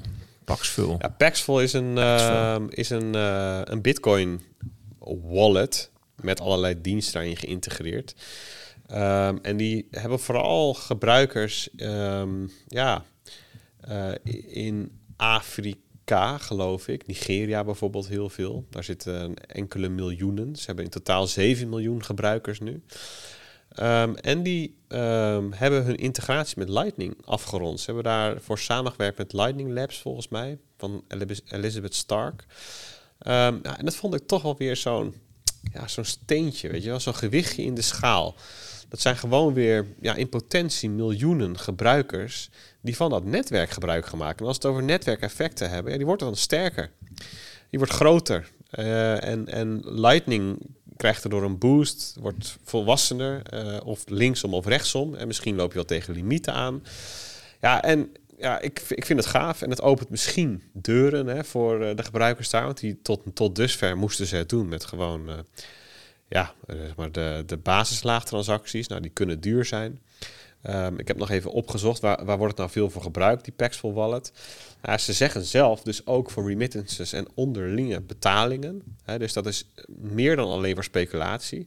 Nou, dat komt misschien ook omdat ze in regio's actief zijn, waar bitcoin als geld gewoon een positie inneemt. ehm, ja, die we ons hier niet kunnen voorstellen met, het, eh, met de euro en alle betalingsmogelijkheden die wij hebben. Ehm, en daar gewoon daadwerkelijk een hele belangrijke behoefte invult. Dus nou ja, Paxful Lightning vond een mooi eh, eh, nieuwtje om even genoemd te hebben. Ja, wat een grappige aanvulling is dat Michael Saylor daar natuurlijk ook over eh, die tweet, quote tweette en hij zei daarover soon no Bitcoin wallet or crypto exchange will be competitive if they don't support Lightning. Dus ehm, hij zegt eigenlijk, hij geeft eigenlijk even een schop tegen iedereen, jongens, ehm, kom op, fix het nou even. En ik moet dan zelf denken aan de, de introductie van ehm eh, Segwit, waar we toen ook zeiden van nou dat zal wel eh, snel worden geadopteerd, hè, want het is natuurlijk eh, eh, minder transactiekosten of Ja. je, dat soort dingen. En het duurde ook ontzettend lang voordat, sterker nog, dus nu Dit is nu pas op 80% of zo pas. Ja, dit jaar kwam blockchain.com volgens mij Ja, vast erbij. dat, dat soort dingen. Dus eh, eh, heel goed, goed, goed gedaan, eh, Michael. Hup, gewoon even, eh, jongens, even allemaal naar Lightning. En ik, vind- ja, ik vind het in Nederland ook gewoon nog steeds jammer hoor. Dat, we niet, dat je niet gewoon even ergens ehm, twee tientjes eh, bitcoin kunt kopen, de rechtstreeks naar je Lightning wallet. Ja, Bij een, bij een nou goed, daar hadden we het vorige week ook over. Maar klopt. Ook. en iemand die stuurde mij toen een berichtje van, nou, je kunt hier eens naar kijken. Ik weet niet meer precies wat het was. Het was een Belgisch bedrijf, maar de, de, de iPhone-app daarvoor, dat kan dan alleen nog maar via testflight. Dus dat vind ik ook niet, nog niet echt productierijp, zeg maar. Dus dit, ehm, ja, dat zou wel mooi zijn als er wat meer ehm, echt voor de gebruiker, voor de gewone mainstream user Ja. ehm, geïntegreerd wordt. Strike, wanneer komt Strike? Maar ja, we hebben het eh, regelmatig over gehad. We gaan naar het volgende item en daar hebben we, ja, daar hebben we gewoon weer een beller. Ehm, we gaan het namelijk hebben over de, de Rabobank. En ehm, die hebben namelijk iets gezegd over hun beleid rond virtuele valuta. Ehm, voor particulieren en bedrijven. En ja, we hebben natuurlijk iemand in de community zitten. in de Satoshi Radio community. Die gewoon bij de Rabobank ja, best wel goed weet wat er gebeurt.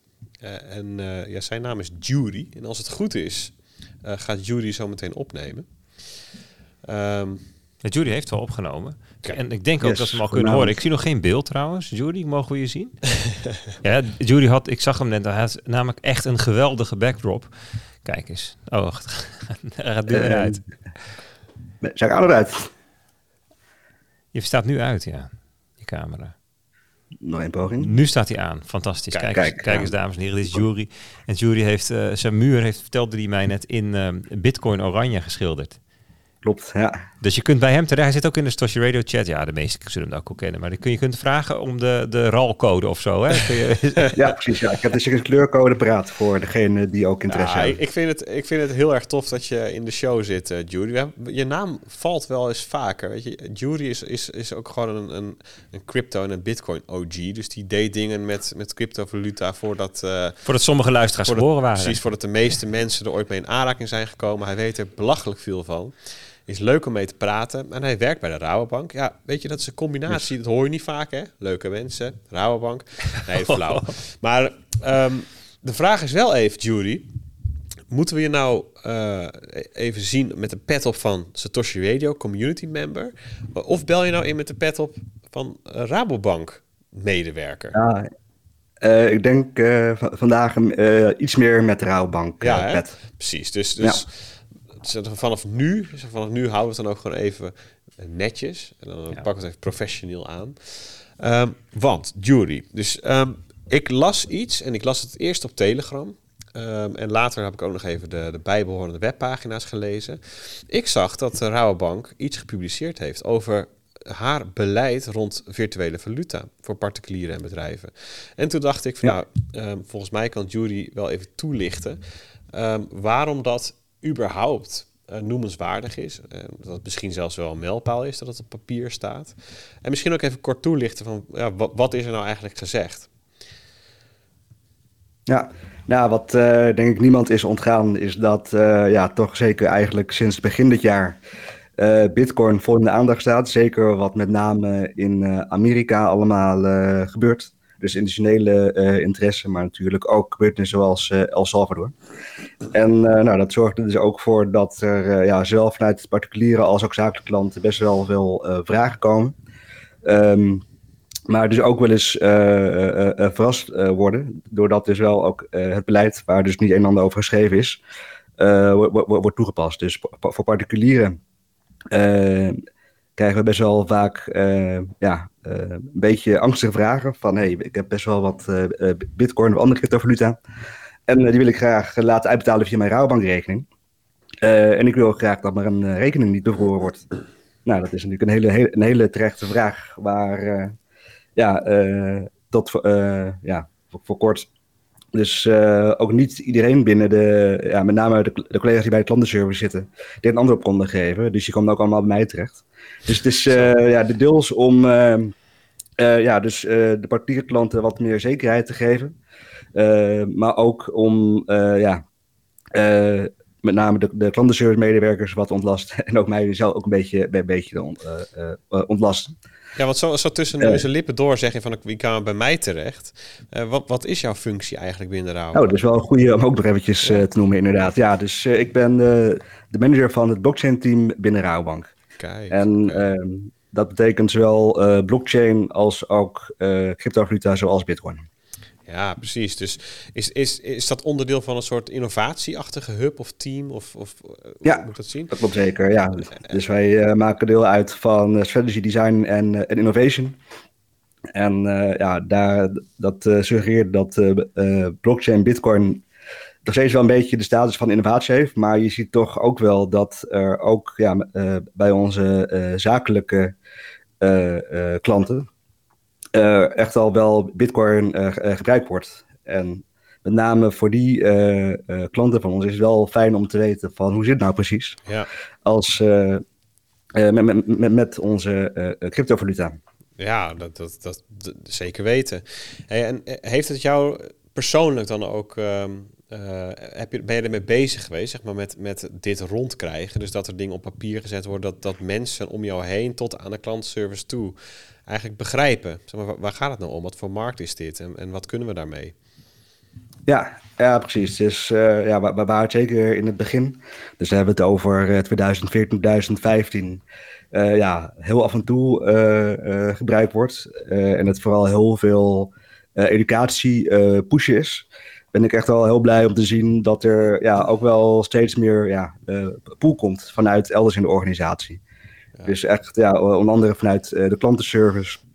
Maar ook, eh, ja, eh, wij zien dus ook onze, collega's in, in, in de eh, crypto trading desks opzetten.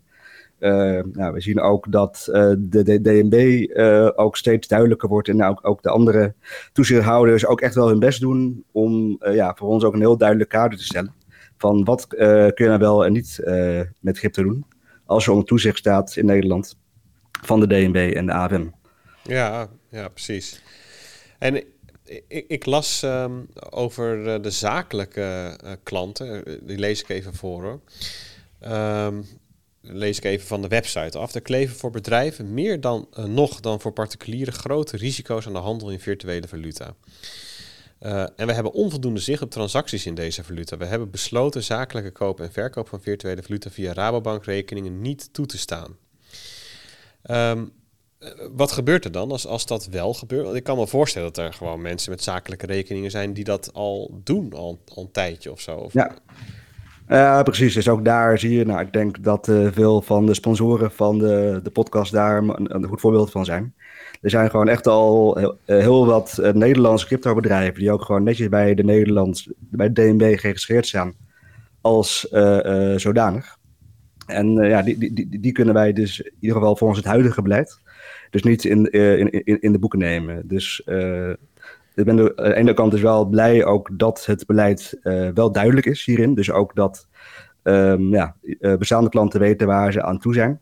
Ja. Maar hopelijk, ja, en dus hopelijk ook klanten die iets met crypto willen doen en klant bij ons willen worden. In ieder geval ook ja, nu op de website kunnen lezen hoe wij daar te tegenaan kijken. Even een vraagje van mij, Jury. Ik, um, wij, hebben, wij, wij hebben een boek gemaakt, hè, Peter en ik. En we hebben nu een boekhandel in Hilversum. En die gaat uh, voorhoeven. Die gaat, daar kun je straks ons boek kopen met Bitcoin en Lightning. En via de website en, en in de winkel. En je kunt volgens mij straks ook je koffie eraf leveren. Waanzinnig, helemaal leuk. Hij was ook helemaal enthousiast. Stel nou dat die meneer, hè, die ondernemer, straks um, heeft hij een hele hoop zatjes. Um, ergens, ik geloof dat... Uh, eh, Patrick van der Meijden, Bitkassa, die regelt geloof ik met Bit My Money of zo in eerste instantie eventjes voor hem. En hij zegt, weet je, ik wil het gewoon uitkeren naar mijn rekening, zakelijke rekening, Rabobank, de accountant fijn. Is dat dan ook al verboden? Nou, uh, ja, verboden vind ik een wat, wat, hard woord. op dit moment staat het beleid inderdaad niet toe dat je met je zakelijke Rabobankrekening cryptovaluta koopt en verkoopt. En uh, dat is eigenlijk ja, uh, wel apart, want het gaat dus wel ook vaak via uh, cryptocurrency exchanges. die dus ook als goed is on, onder toezicht staan. Maar ja, wij hebben wel een hele belangrijke poortwachtersfunctie. Daar is het ook gisteren gegaan bij de, de, de CryptoCast. Heeft Simon Lelyveld en Paul Wijding erover gehad. En op dit moment voelt men zich, nou, in ieder geval bij, bij nog, nog niet comfortabel genoeg om dat dus ook op dit moment al toe te staan. Maar dat voorbeeld wat ik noemde, dat is dus een, een voorbeeld van waarin je het niet toestaat. Uh, dat dit, uh, het is inderdaad een, een, schending van het beleid. Ja. Wat dus inderdaad een reden is om vanuit Rabobank de klantrelatie op te zeggen op dit moment. Is dat meteen een reden of ga je dan eerst een gesprek voeren? Want zeggen van joh, dat mag niet. En dan zegt de ondernemer, oh ja, dat wist ik helemaal niet. En dan Um, kan hij zijn leven nog beter? Of, of is het one strike and you're out? Hoe, hoe moet ik me dat voorstellen? Ik, ik, ik moet bekennen, ja, ik zit dus wel echt bij uh, ja, de, de, innovatieafdeling. Ga niet uh, oh. direct om het, uh, het, het onkomende customer due diligence, waar, waar, waar, waar dit onder valt. Um, dus ook daar, uh, ook omdat het dus niet direct duidelijk uh, was in het verleden, uh, ga ik inderdaad wel vanuit dat daar inderdaad wel eerst in gesprek wordt gegaan met de betreffende klant. Maar dus nu ook, ja, om, om, omdat dus nu ook transparanter is geworden voor deze zaakklanten. Dus de mensen die al klant zijn, de partijen die al klant bij ons zijn, die hebben als goed is ook al wel een brief gekregen met deze informatie. Ja, precies. Om ook op die manier voor te zorgen dat ze ja, in ieder geval uh, ja, zich wel aan, aan, aan ons beleid uh, houden. Dus ook daar, uh, wij, wij hebben niks te zeggen over dat je dus je betalingen in bitcoin ontvangt. Of, nee, dat mag dus gewoon. Dus gewoon, aan, gewoon aanhoudt. Dus zeg maar, zo, zodra het ja, je Rabobankrekening aanraakt, dan ja, gaan bij ons wel wat belletjes af. En dus dat, dat, dat is een mogelijke uh, aanleiding. Dus uh, ja, in ieder geval in, in het aan te gaan. En dus ook uh, ja, omdat het dus ja, een schending is van het beleid. En er zijn nog heel veel andere dingen die ook ons beleid, in ons beleid die wordt toegestaan. een reden kunnen zijn dus om de klantrelatie op te zeggen. Ja, dus als ondernemer zul je dan, hè, dus Wubbo bijvoorbeeld, die, die accepteert ook satjes in zijn kroeg in Haarlem. Die zou dan dus die, die, die, die bitcoins moeten sparen. Hè? En als hij dan op een gegeven moment, ehm, dan, maakt de accountant maakt de jaarrekening op. Ehm, en dan heb je dus in de boeken staan zoveel euro's en zoveel satoshis. En dan um, een gedeelte daarvan wordt uitgekeerd als dividend of zo aan de aandeelhouders. En dan moet hij die satoshis naar het privé uitkeren. En dan mag pas het naar, naar zijn bankrekening. Dat is dan een soort van route die je dan... Het wordt natuurlijk wel heel erg ingewikkeld op deze manier. Ja. ja, precies. En dat soort uh, workarounds, ja, dat zijn natuurlijk ook dingen die uh, ja, ook niet, niet, heel wenselijk zijn. Wat, ja, wat, wat, wat, er ook wel bij gezegd moet worden, wij, wij zoeken ook wel actieve dialogen aan met crypto-dienstverleners en ook partijen die dus ook ja, wel hiermee aan de slag gaan. Want ook daarna ja, kijk, dus maar ook wel een paar keer langsgekomen in de, in, in, in de podcast. Ja, partijen zoals Chainlink en als Cypherlink. Nou, en ook weet ik dat er een hele hoop Nederlandse partijen nou, eigenlijk vaak nog strenger zijn in controles dan dat we zelf zijn. Dus uh, ja, ik, ik, ik, ik, ben er wel eigenlijk al wel van overtuigd dat er echt wel een manier is om hier wel uh, in de toekomst uh, crypto-bedrijven of bedrijven die iets met crypto willen doen, beter van dienst kunnen zijn. maar ik ben in ieder geval dus wel blij dat ja, in ieder geval ook geen, geen, geen taboe meer is. Ja, dus, Kijk, ik, ik bedoel, het is natuurlijk ook zo dat de Rabo doet het natuurlijk ook niet zeg maar gewoon omdat ze graag die klanten niet willen hebben. Nou ja, dus sommige mensen zeggen dit doet Rabo om gewoon zo, zo om Bitcoin een zo slecht mogelijke naam te veroorzaken, omdat ze gewoon hun eigen eh, dienstverlening willen afschermen. Dit is gewoon, ze voelen de hete adem van Bitcoin in hun nek. Ja, en, daar, geloof ik, daar geloof ik echt niks van. Nee, maar dat is wel het verhaal wat rondgaat. Daar natuurlijk. duidelijk in zijn. Wij, wij zijn uh, absoluut niet, niet, niet anti-Bitcoin. Wij zijn met name anti-witwas en anti-financieren van, van terrorisme. En er zijn gewoon een hele hoop hardnekkige uh, aannames, onder andere over het, het, het, schoonverbruik, maar ook over dat het nog steeds veel wordt gebruikt voor criminaliteit. Nou, er is een mooi artikel verschenen in het FD over dat Bitcoin vaak de zwakschakel is bij ransomware. En er zijn nog, nog best wel wat meer van dat soort uh, ja, onjuiste aannames. Die eigenlijk er ook voor uh, zorgen dat Bitcoin eigenlijk, uh, ja, zeker in het verleden, geen serieuze kans heeft gekregen. En dat lijkt dus niet echt wel te krijgen. Zo is er ook eerder dit jaar, nou, als ik het zelf, een heel leuk artikel verschenen met mijn collega Wim Boonstra, die echt heel kritisch is op, op Bitcoin. En uh, ik heb daar best wel veel positieve reacties over gehad. Dat laat in ieder geval zien dus ook dat er niet uh, uh, een persoon met bitcoin bezig is die het nou, misschien vooral vanuit economische bril bekijkt. Want de economische kant van bitcoin is maar één van de vele kanten. Nee, precies. Dus dat, dat, dat okay, nee, laten we ook top dat gewoon even expliciet zijn. Hè. Het is kudo's voor de Rabobank dat ze gewoon heel precies zeggen hoe ze ernaar kijken. Dat is veel beter dan dat het een black box is en je moet maar hopen wat eruit komt. dus dat, dat is stap één. Dat zou elke bank moeten doen. Ten tweede, kudo's dat jullie een open debat voeren erover en dat ook gewoon laten zien. Dat vind ik ook heel sterk. Ik hoor dat overigens van veel meer plekken, ook binnen de Rijksoverheid bijvoorbeeld, dat het niet een kwestie is van uh, we zijn allemaal tegen, maar er wordt gewoon een, uh, er wordt gewoon een levendig gesprek over gevoerd. En dat is top. Hè? Dus ook dat is dan tof. Alleen um, um, waar, wat ik heel lastig vind, is dat er, een, um, dat er voor zakelijk gebruik gewoon ook geen gesprek over te voeren is. Het is gewoon nee, als enige optie. En um, nou ja, ik vind het, het is ook weer onterecht om dat de Rabobank aan te wrijven, omdat ze er expliciet over zijn. Weet je, zo is het natuurlijk ook. Hè? Nee, maar dan, dan vind ik de, de aflevering met Simon Lelyveld van uh, de, in de CryptoCast. Waar we het net over gisteren. hadden. Dat vind ik een mooie aanvulling op dit gesprek. Want dat daarin, en dat snap ik, dat kun je als Rabobank veel moeilijker zeggen dan een Simon die bij een BNR-podcast zit. een bank zit ook gewoon in een, in een tang waar ze niet per se in willen zitten. En dat, mhm. dat is vooral wat ik bedoel met je doet dit doen, dit doen banken en Rabobank weet ik ook zeker niet met plezier van nou we gaan die diensten niet verlenen. Dat is uiteindelijk natuurlijk eh, heel risicoavers en terecht. Want voor je het weet heb je een boete aan je broek hangen waar je... Eh, waar je u tegen zegt. Precies. Ja. En dus het is, het is gewoon een rot probleem, een rot situatie. En in, in die zin, ja, ik... ik uh, weet je, gegeven die context, dus het is gewoon echt niet een mooie context. Dus kunnen we kort of lang over gaan, maar dat is geen mooie context. Vind ik wat uh, de Rabobank laat zien, wat jij ook noemde, Bert, en nou, nu hier duidelijkheid over geven, vind ik zelf positieve ontwikkelingen. Even afgezien van dat ik er liever andere teksten zou zien staan. Nou, voor, voor de consument is dus eigenlijk best wel prima, toch? Ja, misschien wel. Wat was, het, wat was daar de uitkomst ook weer van, Peet? Wat, uh... Nee, in principe, uh, consumenten, particulieren mogen zich gewoon uh, zeg maar bezighouden met cryptovaluta. Ja, alleen, als je... alleen ze kunnen misschien zo nu dan een belletje krijgen met joh, waar komt dat geld En dan gaat het om inderdaad de historie, de, de, de herkomst van, je, van je funds. En is het nou ook al zo intussen, Jury, dat je, um, stel hè, dat ik... Um, Um, ik heb in uh, 2000, uh, lang geleden, heb ik uh, voor 1000 euro bitcoin gekocht en dat is nu een ton. En ik denk, ja, als ik dat nu uitcash naar mijn Rabo-rekening, dan zou ik het zelf ook niet gek vinden dat ze dat even dat, dat, ze dat blokkeren. Want wie krijgt er nou zomaar een ton?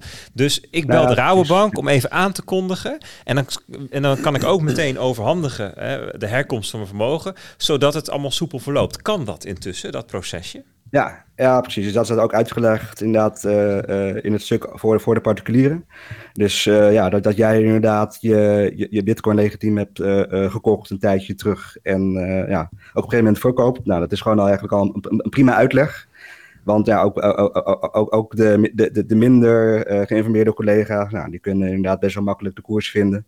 Wellicht ook zelfs nog de aankooptransactie zien die je hebt gedaan naar de exchange toe. Ja.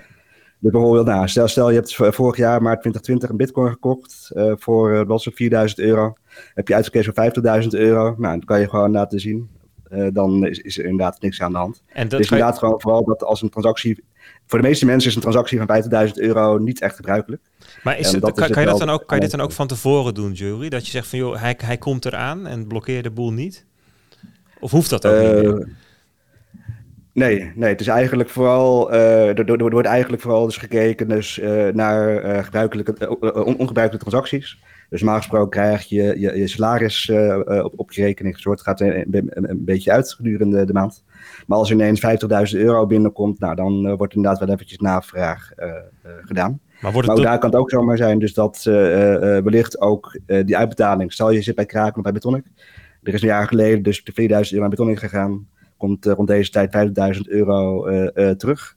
Dat ze die met elkaar in verband kunnen brengen. En dan is er misschien zo helemaal niks uh, aan de hand. Maar, maar stel... ook geen informatie te delen die je niet wil delen. Nee, precies. Maar stel dat het wat gekker is. Hè? Dus, dus die, die eerste transactie is niet te vinden. En weet ik veel. Maar ik bedoel, je hebt getrade op Binance. Um, en, er, en er komt ineens een half miljoen naar je rekening.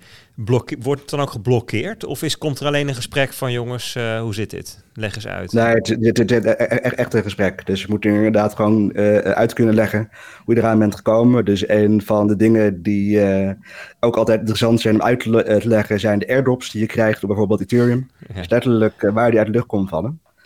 hoe, ja, dat, als, als je daar met, met Uniswap airdrop uh, zit, dan is daar al in over te vinden. Maar heb je een of andere uh, shady coin op een of andere uh, ja, Chinese spookstad chain.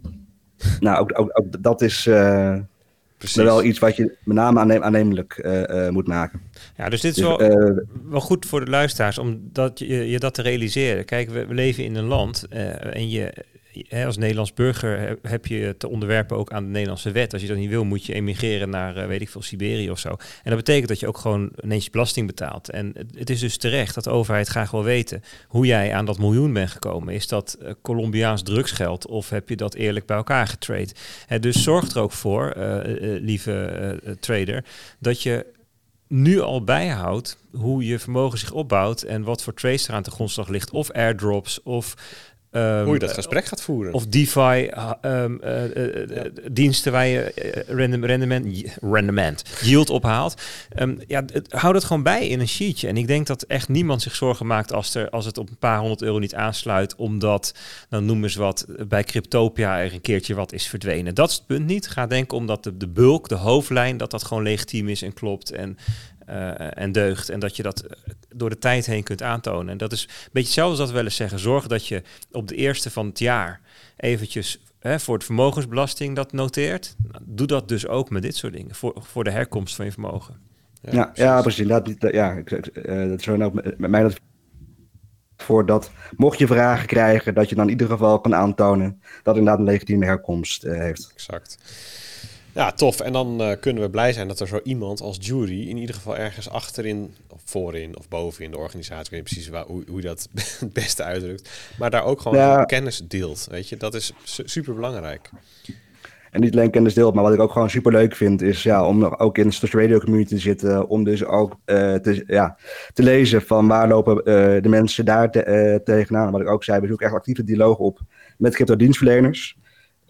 Om te kijken hoe we toch, ja, toch ook samen iets, iets, voor elkaar kunnen, kunnen betekenen. Want nou, wat ik ook, ook, daar zijn er best wel wat mensen die ja, via onze webcam bijvoorbeeld vragen nee, gaat het een keertje mogelijk worden om, om, om bitcoin bij jullie te kopen?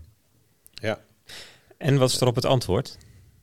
nou, het wordt sowieso niet bij, bij voorbaat uitgesloten. Wat ik ook altijd wel leuk vind om te zien. Er zijn heel veel reacties van ja, ga weg met je, met je bank. Een bank moet niks met, met, met bitcoin doen. Maar wat ik ook wel weer een hele interessante vond, uh, ja, voor mij was dat in een Bitcoin Alpha nieuwsbrief, had uh, Bart een heel mooi verhaal van Don't Be Your Own Bank. En ik denk dat dat heel goed aangeeft dat er ook echt wel um, ja, uh, goede redenen zijn om wel een bank iets met cryptovaluta te laten doen. Zeker, ja. het is mijn persoonlijke visie dat dat wel ook gaat gebeuren. Dat je eigenlijk als, hè, als het echt als vermogensbestanddeel ziet en daar tegen wil lenen bijvoorbeeld, of um, daar um, um, betaling aan wil koppelen. Nu zeg je, ja, je wilt toch alleen maar sparen. Ja, maar goed, als jij 90% van je net worth in, in bitcoin hebt, dan wil je het ook uitgeven. Je moet ook brood kopen. Dus ik zie dat zeker. ik wilde nog wat vragen. Je had het net over verbindingen zoeken met de crypto-dienst die moeten natuurlijk ook al de herkomst van het vermogen um, toetsen. Dus als ik mijn geld overmaak naar uh, Bitfavo of naar Amdax, dan gaan, moeten zij ook dan moeten zij ook kijken van waar komt dat vandaan. Zou daar een lijntje kunnen ontstaan? Dat jij gewoon, ik bedoel, stel ik het van Amdax naar Rabobankrekening overboek. Dat jij zegt, oh dat komt van Amdax. Beleef Amdax op. Weet je, meneer Slachter, heb ik wat van gekregen. Hoe zit het met die herkomst? Joh, dat, eh, dit is het, de customer due, due diligence die wij hebben gedaan. Dat deugt allemaal, jury. Het is oké. Zou zoiets kunnen gaan ontstaan? Ja, ik zou het inderdaad heel logisch vinden. Want wat er, ja, hoe, hoe het nu uh, lijkt uh, uh, te moeten, dat wij eigenlijk moeten doen aan KYCC. Wij moeten de klant van de klant eigenlijk kennen. Ja. En ja, ja ik denk dat daar op, op dit moment, zoals het nu is ingericht, heel veel dingen gedwongen dubbel worden gedaan. en ik denk ook ja, dat het goed is om daar ja, samen te kijken. Er zijn denk ik een paar partijen die een groot deel van de dienstverleners ook ehm, zou gebruiken om dan te denk aan Cybertrace en chain, uh, Chainalysis. Ik denk dat daar zeker wel uh, wat ja, aan samenwerking mogelijk zou moeten zijn. Dus dat is ook wel, ja, dat, dat zijn inderdaad wel mogelijkheden die wij actief verkennen. Cool. Nou, ja, tof. Ik vind het leuk. Ik vind het ook leuk uh, om dit is waardevol. Uh, ja, zeker. informatie ook van onze luisteraars. Jongen, jongen. En ja. ik, ik, vind het knap hoe Jury zich hier doorheen vecht. um, Jury, bedankt. Ik, ja, uh, jij, jij bent toe, denk ik, aan een biertje. hey, um, ja, weet je, we, spreken elkaar ongetwijfeld weer snel. Ik vond het uh, tof dat je even in de uitzending kwam, een toelichting wilde geven. Um, dus ja, de, ja dat, dat, was hem, denk ik, hè, ja. voor, wat betreft Rabo. Zeker. Hey, uh, Julie, spreken elkaar weer. Yes, hey, jullie ook bedankt en succes nog met de rest van de aflevering. Yes, yes. cool. Hoi, hoi. Dank je. Hey. Cool. Ja, dat, dat zijn van die dingen. Je, je kunt met het bericht zelf natuurlijk... Ja, weet je, daar vinden we allemaal wat van. Daar vindt Judy misschien zelf wat van. En dat snap ik ook. Die, de op, ja. Dan hou je het eigenlijk bij de feiten. En, en, die, en die zijn gewoon in Nederland gewoon ook op heel veel punten gewoon niet mooi.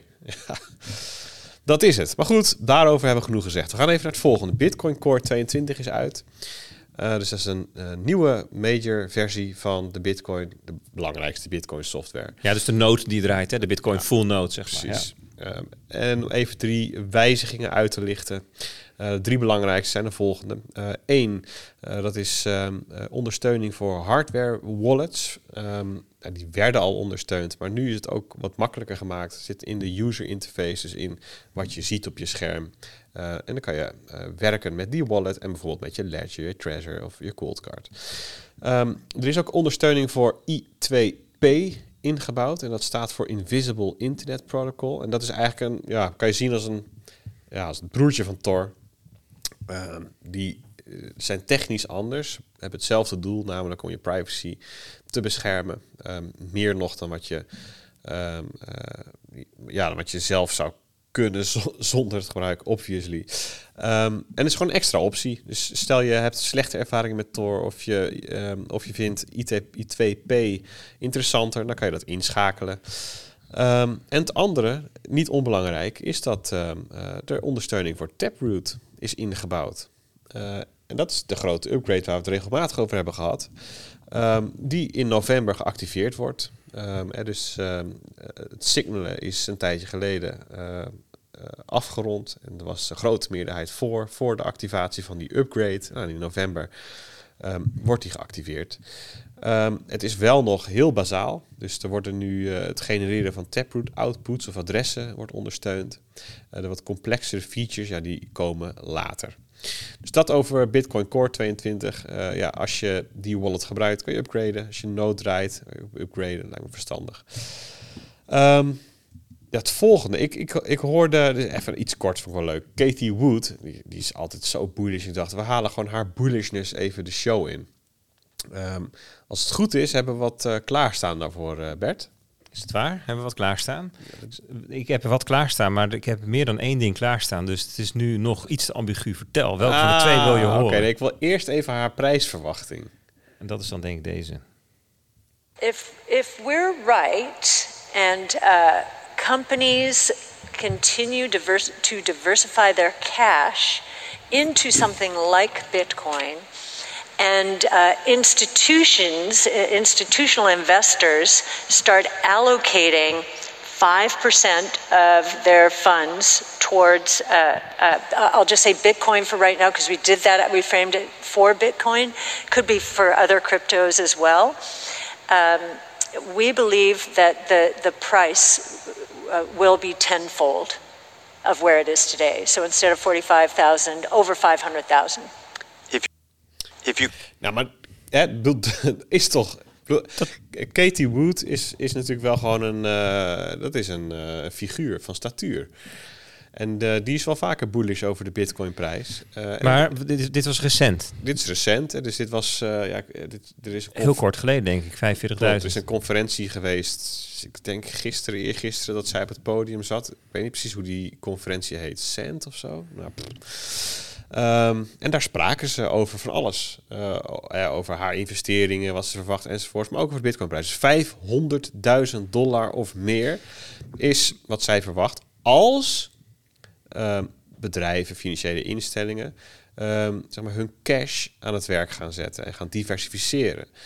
Um, en daar zit natuurlijk haar verwachting achter dat dat gaat gebeuren. En dat heeft weer te maken met de macro-economische context en, nou, weet je, en, en, de bescherming van je vermogen enzovoort. Um, ze zei ook nog wat over regulators en vond ik ook wel leuk om even te laten horen. These cryptocurrencies, specifically yeah. Bitcoin, Zo lang, will work. Yes. Uh, I, th- I, think regulators, our working assumption from the beginning um, was that, and, and this was based on meeting with them, meeting regulators, both state and local and federal, was that no regulator wanted to be blamed from preventing the next big technology breakthrough to happen in the US. Uh, and that has proven true. En dit vond ik in de, in de context van um, uh, van het hele touwtrekken tussen Coinbase en de SEC ook nog wel zeg maar, relevant om even te laten horen. Hè, van, um, dus de Katie uh, Wood die spreekt uh, naar eigen zeggen regelmatig met, met toezichthouders en de regulators waar ze het over heeft. Um, en kennelijk is de status quo nu zo in de VS dat geen van hen um, de mogelijke technologische innovatie die ten grondslag ligt aan zoiets als Bitcoin. Uh, ze heeft het later ook over Ether. Uh, dat ze die niet uh, in de kiem willen smoren, dat ze dat niet dwars willen zitten. Nou, en dat is natuurlijk wel wat je ook als markt wil horen. Je wil als financiële instelling dit soort bevestiging krijgen van oké, waar ik in investeer, is dat wel of niet blijvend? Hoe, hoe ziet de toekomst daar dan van uit? Um, nou ja, uit de eerste hand, nou eigenlijk de tweede, Katie Wood heeft die gesprekken, die vertelt dus vanuit de toezichthouders gaan dat niet uh, dwars zitten, die innovatie. Uh, waarmee ze ook weer een klein beetje scheiding maakt tussen Bitcoin en de rest van de markt natuurlijk. Uh, dat zie je ook in de opstelling van Gary Gensler. dat is de SEC-voorzitter in de VS. die ook diezelfde scheiding toepast eigenlijk. maar goed, vond, interessant, leuk om even te laten horen. En hebben jullie Katie Wood's stem ook weer een keertje gehoord. Ja, dus even voor de luisteraars. Katie Woods is de CEO van ARK Invest. En dat is dus niet een van de crypto-bedrijfje. Dat is ehm, een investeringsmaatschappij die allerlei ETF's onder zich heeft, die gericht is op technologie. Dus van ehm, eh, autonomous vehicles en AI tot ehm, eh, DNA sequencing en 3D printing en robotica, Ja. robotics. En dus ook cryptovaluta. Dat zien zij eigenlijk als onderdeel. Ze zien dat als een van de puzzelstukken van de grote technologische, ehm, exponentieel groeiende, ontwrichtende technologieën die in de komende tien jaar allemaal bij elkaar komen en nou enzovoort. En die, die, die fondsen zijn enorm geworden. Ze zijn, ook wel, zij is, ja, zij is toch wel een beetje de koningin van de techfondsen geworden. En ehm het was ook van de week een aflevering van de podcast Bankless waar zij het gast was samen met ehm, Chris Burnisk. Hij was, hij was vroeger de blockchain lead bij Ark, bij Ark Invest. En met ehm Yassine Elmanjra. En dat is, hij is nu analist. En hij, heeft, hij is een van die mensen die meegeschreven heeft aan dat ehm, rapport van Ark Invest. Samen met Square, geloof ik. En nog eentje over Bitcoins energieverbruik. Dus hij is echt de analist daar interessante podcast. En daar, daar, daar gaat zij ook een beetje in op waar Peter nu over gehad heeft. Dus wat meer achtergrond nog daarover. Over hoe ze daarnaar kijkt. En hoe ze met die, met die eh, regulators praten ook. Ja. En dat is inderdaad heel bullish. In de zin van lange termijn signaal. eh, dat men het wel gewoon echt wil. Dus Ja. cool. Ja. Ehm, volgende dingetje. Ja, ik zag iets langskomen over ehm, het aantal bitcoin-nodes in Duitsland. Die zou hoger zijn dan het aantal in de Verenigde Staten. Dat was op het moment van rapporteren 1833 versus 1821. En toen dacht ik, oké, ik, ik open even de top 10 ehm, eh, in, in de statistiekjes. En toen zag ik, oh, de VS heeft Duitsland weer ingehaald. Die is namelijk weer gezakt naar 1797. En dan, dan luidt de top 10 als volgt. VS, Duitsland, Frankrijk, Nederland. Dan zitten we op 390, dus die daling gaat best snel. Canada, Verenigd Koninkrijk, Rusland, Finland, China, Singapore. En later dacht ik van ja, leuk, die absolute aantallen. Maar, maar hoeveel bitcoin-nodes hebben we nou per capita? Dus per 100.000 inwoners. Dus toen ben ik even dat, diezelfde top 10 gewoon... gewoon Maar, maar, maar dit, als je dit optelt, is het, is het heel weinig eigenlijk. Het zijn, dit zijn full nodes. Of, full ja. Dus maar dat zijn de zichtbare full nodes dan, denk ik. Tuurlijk. Dus, eh, dus, dus die, die zijn hier allerlei kanttekeningen bij Ja, ja, dus de ja. Tor nodes en zo. Dus, die, eh, dus maar even van deze cijfers uitgaan. Dus per capita staat Finland op nummer 1 met 3,36 bitcoin node eh, per 100.000 inwoners. En Nederland op nummer 2 met 2,23. Dan komt Singapore achteraan, dan Duitsland, Frankrijk, Canada. En dan vinden we daar pas de VS. En dan komt Verenigd Koninkrijk, Rusland en China met 0,01 bitcoin node per 100.000 Zichtbaar. inwoners. Want de Zichtbaar. Chinezen moeten zich natuurlijk veel beter Tuurlijk. afschermen. Eh, dus, eh, maar goed, dat vond ik wel geinig. Ja. Dus, eh, Grappig. ehm, ja, ik, ik, ik wilde toch ook nog heel even kort bij de radar-uitzending stilstaan. Oh jee. Ja. Ehm, ja, het is radar. Het is uh, Avrotros, VPRO. Nou, geen idee. Maar de radar ging ehm, ook ging over plastuiten, maar ook over eh, bitcoin en crypto. Ehm, eh, en eigenlijk in de kern van het verhaal ging het erom dat ze wilden waarschuwen over de praktijken die in deze markt plaatsvinden. En dat, wil, dat liet ze zien eigenlijk analoog aan het maken van een eigen cryptomunt. Dus ze hadden een radarmunt gemaakt. Ehm, en op zichzelf vind ik het hartstikke goed dat, dat, dat daar aandacht voor is. Ehm, later, dus, dus na een aantal items, za- zat ehm, eh, samen met de presentatrice zat Mahir Alkaya van de SP. Nou, die, die kennen we de meeste mensen wel in, in dit wereldje, want dat is toch wel de, dat is, dat is de Nederlandse politicus eh, die eigenlijk het meeste zegt en vindt van, eh, van bitcoin en van crypto als domein. En die zat samen met Paul Koster. Ehm, en ja, ehm, die is volgens mij, dat is de voorzitter of de directeur van de Vereniging van Nederlandse Effectenbezitters of zo, VEB. Ja, en die had ook wat te melden erover. En ik heb even een heel klein stukje eh, uitgeknipt ervan. Oh, gaan we die er even in stoppen. Bij mij aan tafel, directeur van de Vereniging van Effectenbezitters, Paul Koster. En uh, Tweede Kamerlid voor de SP, Mahir Alkaya. Welkom, uh, beiden. Meneer Koster, het cryptolandschap uh, wordt hier vergeleken met het Wilde Westen. Een eigen munt maken en dan pumpen en dumpen. Mag dat zomaar? Ja, jammer genoeg uh, is dit een markt waar de regels nog niet zijn geschreven. Eh, zoals je in de financiële markten wel hebt. En dat betekent dat iedereen, ook in het licht van de vrijheid van meningsuiting, eh, allerlei dingen kan initiëren, waaronder ook het promoten van eh, een coin. En gaan zeggen dat het geweldig is en dan wat u net liet zien, het verkopen en daar het voordeel van halen. Ja. Is, de, is de consument dan helemaal niet beschermd tegen deze ontwikkelingen? Kijk, de consument heeft altijd bescherming. Al is het maar basale consumentenbescherming van de autoriteit Consument en Markt. Maar in dit geval is het ook heel duidelijk dat het hier gaat om een financieel product. Ja. Heel veel mensen worden. Ja, dus, dus maar hier die, uh, maakt hier een goede, uh, goede opmerking door, te, door te, eigenlijk te vertellen van nou, er is wel degelijk toezicht. Want waar Paul Koster eigenlijk dat, dat, dat, dat springt er dan zo uit eigenlijk. Dat is zo'n verhaallijn die vaak de ronde gaat. He, van er is nul toezicht op deze markt. En ja, eh, Boomer Koster, ja, die brengt dat zeg maar als informatie in. Ja, en daar gaat mijn tenen toch altijd een beetje krom van staan. Dat jij hetzelfde? Nou, mijn tenen zijn niet meer recht te krijgen. Ik vind het echt verschrikkelijk. Maar ook alleen de manier waarop. Hè. Ja, dan kunnen ze dus gewoon pump en dump. Ja, zo zit dat, weet je wel. Ja, echt kappen nou. Maar het punt is, het punt is namelijk, het is gewoon niet waar. Nee, ja, het is gewoon niet waar. Het is, het, is, het is gewoon kolder. Het is Paul Kolder. Nee, maar, hè, dus, maar dat vind ik dan zo typisch.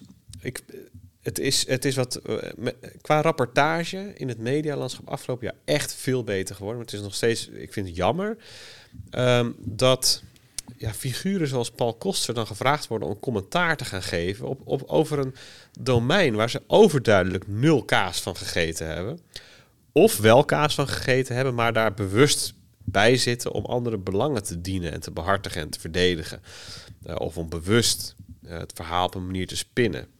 Om een bepaald signaal af te geven. Want ja, weet je. En, maar zijn, zijn, zijn, zijn invalshoek werd ook gewoon heel duidelijk. Want hij zei later, kon hij het ook niet nalaten om nog even zijn commentaar te geven op Bitcoin. Ja, Bitcoin is niks waard. Bit, eh, zo, Bitcoin. Bitcoin is uiteraard niks waard. Zoiets zei hij. Of natuurlijk of zo, weet je wel. Op zo'n manier dat je denkt. En dan, en ja. Dat was toch het ah, smetje op, op best een prima aflevering van, uh, van Radar. Ik snap, ik snap het ook niet. En dan heb je, um, ga je een uitzending maken over elektrische auto's. En dan vraag je iemand die, die gespecialiseerd is in de verbrandingsmotor. om daar commentaar op te leveren. Ja. Kijk, en het is niet dat we kritiek niet willen of zo. Integendeel. Ik bedoel, uh, zeg maar, we hebben een boek geschreven, er staan allerlei kritieken in, weet je. Alleen, dit is gewoon zo onoprecht. En als het niet onoprecht is, is het gewoon onkunde. En dat is jammer. Dus ja, ik hoop dat er ook gewoon, ja, misschien dat er, een, dat er journalisten luisteren, of media of redactie, weet ik wat. Jongens, denk nou even goed na van wie, wie gaat. Dit zit in dezelfde categorie voor mij als, um, als die aflevering waar Bart was uitgenodigd. En dan zat hij tegenover die uh, Peter, Peter, de Waard. Ja. En, en dan ja, was de gedachte, we, we vragen er een neutrale derde bij en dan nemen we een oud centraal bankier. Ja, echt, als je dat, dat is ja, weet je, ja, ik weet niet eens wat maar goed, maar dat, dat...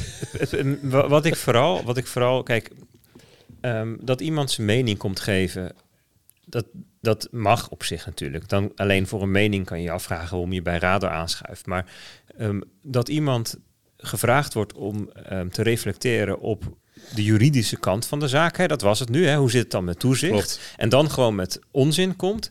Um, dat is lastig. En het punt is dat we, we en ik ik heb het ik, hierbij ook over mezelf. Ik zie mezelf dan ook even als, als journalist. Ik heb dat ook niet goed paraat, hoe het nou precies zit.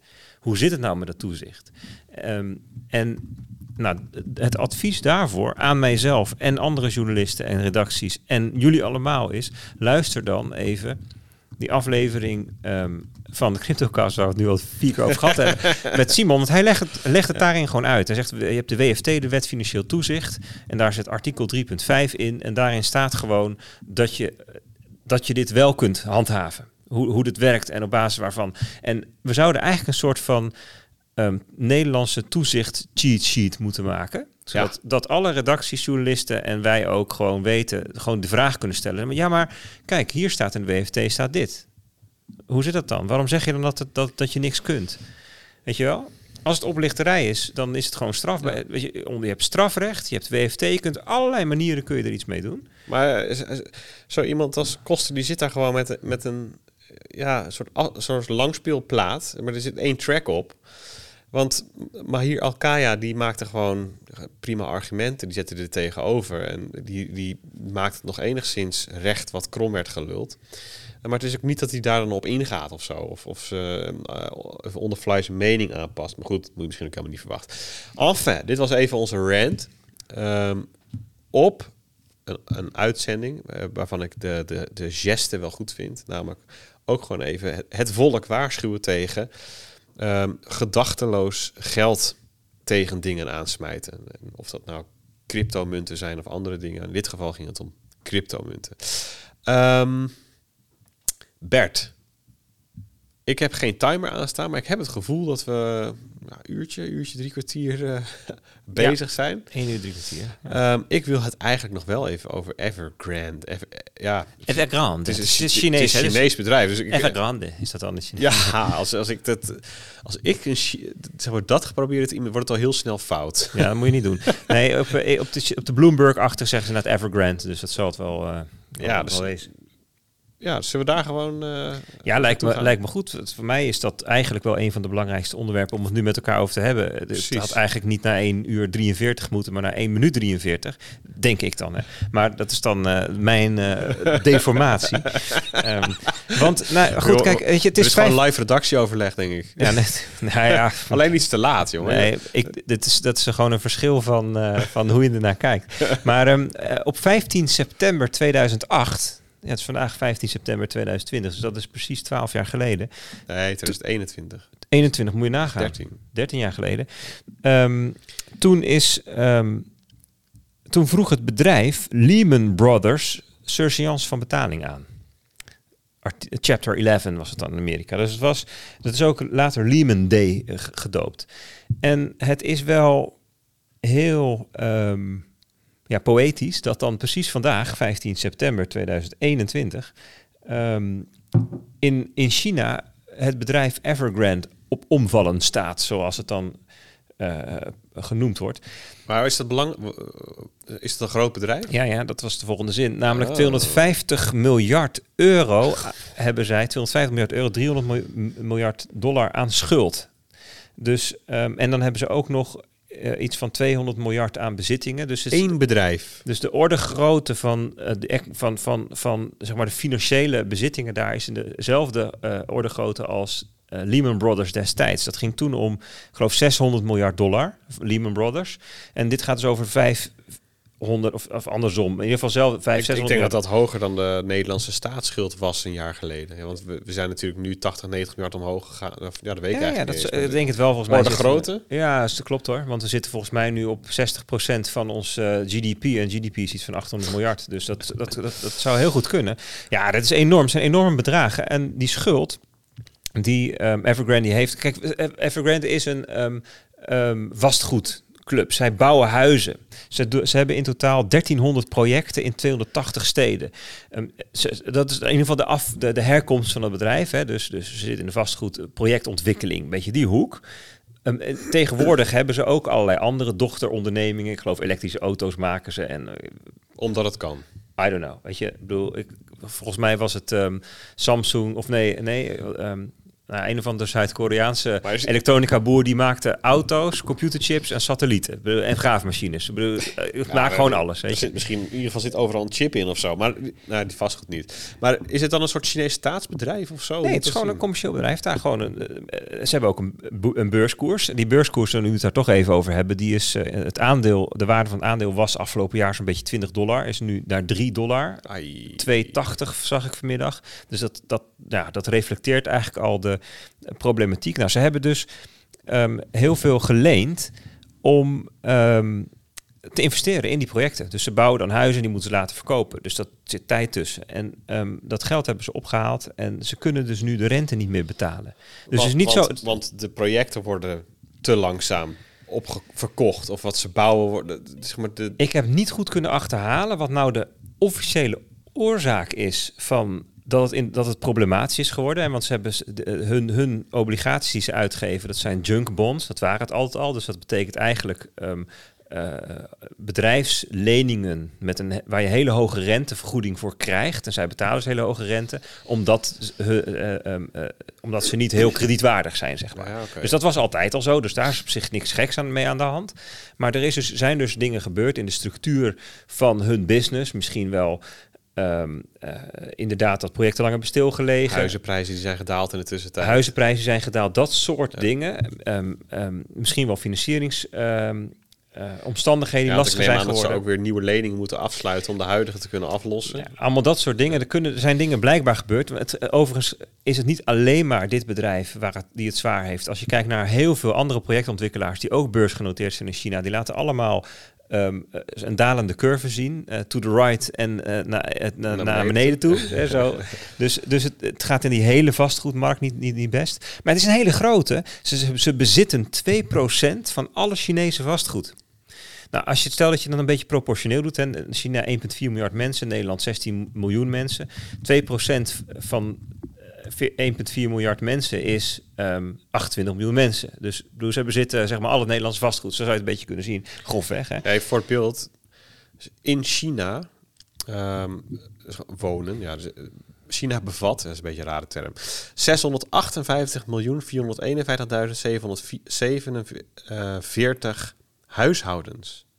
Dus moet je nagaan. Dat is groot, ja. Dus eh, zoveel huizen. Nou, dus ze, ze hebben ehm, ehm, veel vastgoed, ze hebben veel eh, projecten en ze kunnen nu de rente niet meer betalen. En aanstaande maandag zou die, eh, de volgende rentebetaling zijn op de obligaties. En vandaag hebben ze officieel eh, bekendgemaakt. ehm, dat zat al een tijdje aan te komen, maar dat ze dat niet gaan doen. Dat ze het niet kunnen.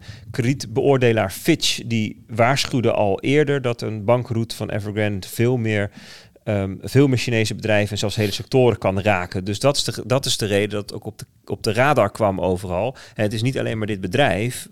En dan zou je nog kunnen zeggen, ja, weet je, jammer voor de aandeelhouders, jammer voor één of twee grote kredietverstrekkers en dan is het daarmee afgedaan. Maar dit, dit bedrijf heeft zijn tentakels ehm, in heel China. Weet je, zijn heel veel, zijn allerlei banken, zijn allerlei eh, eh, andere ehm, partijen die die eh, leningen bezitten hè, en die dus nu gedupeerd raken. Maar ook buitenlandse partijen, ook eh, wereldwijd, Australië, Canada, Amerika, Europa, waar banken eh, of, of partijen deze junkbonds bezitten. Dus, en er zijn natuurlijk allemaal mensen die hun ehm, huis niet opgeleverd krijgen. Er zijn allerlei aannemers en leveranciers die nu hun geld niet gaan krijgen. Dus dit raakt zo ontzettend veel. Hè? En ehm, ja, de hele sectoren, zegt Fitch, ja, ik kan me zo voorstellen dat de hele vastgoedsector, de hele projectontwikkelingssector natuurlijk Ja. toch een soort van wordt meegesleept. Dus Maar hebben, die, hebben al die geldschieters dan ehm, dat geld voorgeschoten, geld voorgeschoten waar ze zelf van afhankelijk zijn?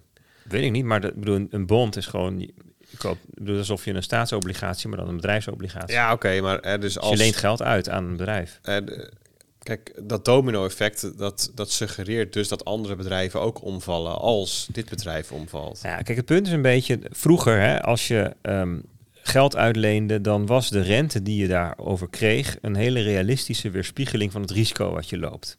Hè, dus als je, laten we zeggen, even zeggen dat je ehm ehm 12% rente krijgt en de risk-free rate is 2%. Hè, dus als je geen risico loopt, sta Amerikaanse staatsobligaties koopt, krijg je 2%. Dan is dus van die 12% 10% ehm, het risico specifiek aan, aan die lening. Hè, de 10% eh rente zou je kunnen zeggen, nou, is een kans van 1 op 10 dat, dat je dat bedrijf failliet gaat. En dus je, je ziet dan in de rente een vergoeding ehm, voor, voor, voor de kosten van het geld op zichzelf. Er zit vaak een soort inflatieverwachting in.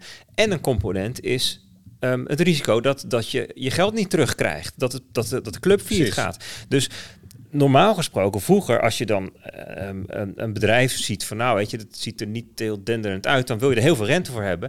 Maar ja, tegenwoordig, eh junkbonds, 4% rente, dan doe je het goed, weet je wel.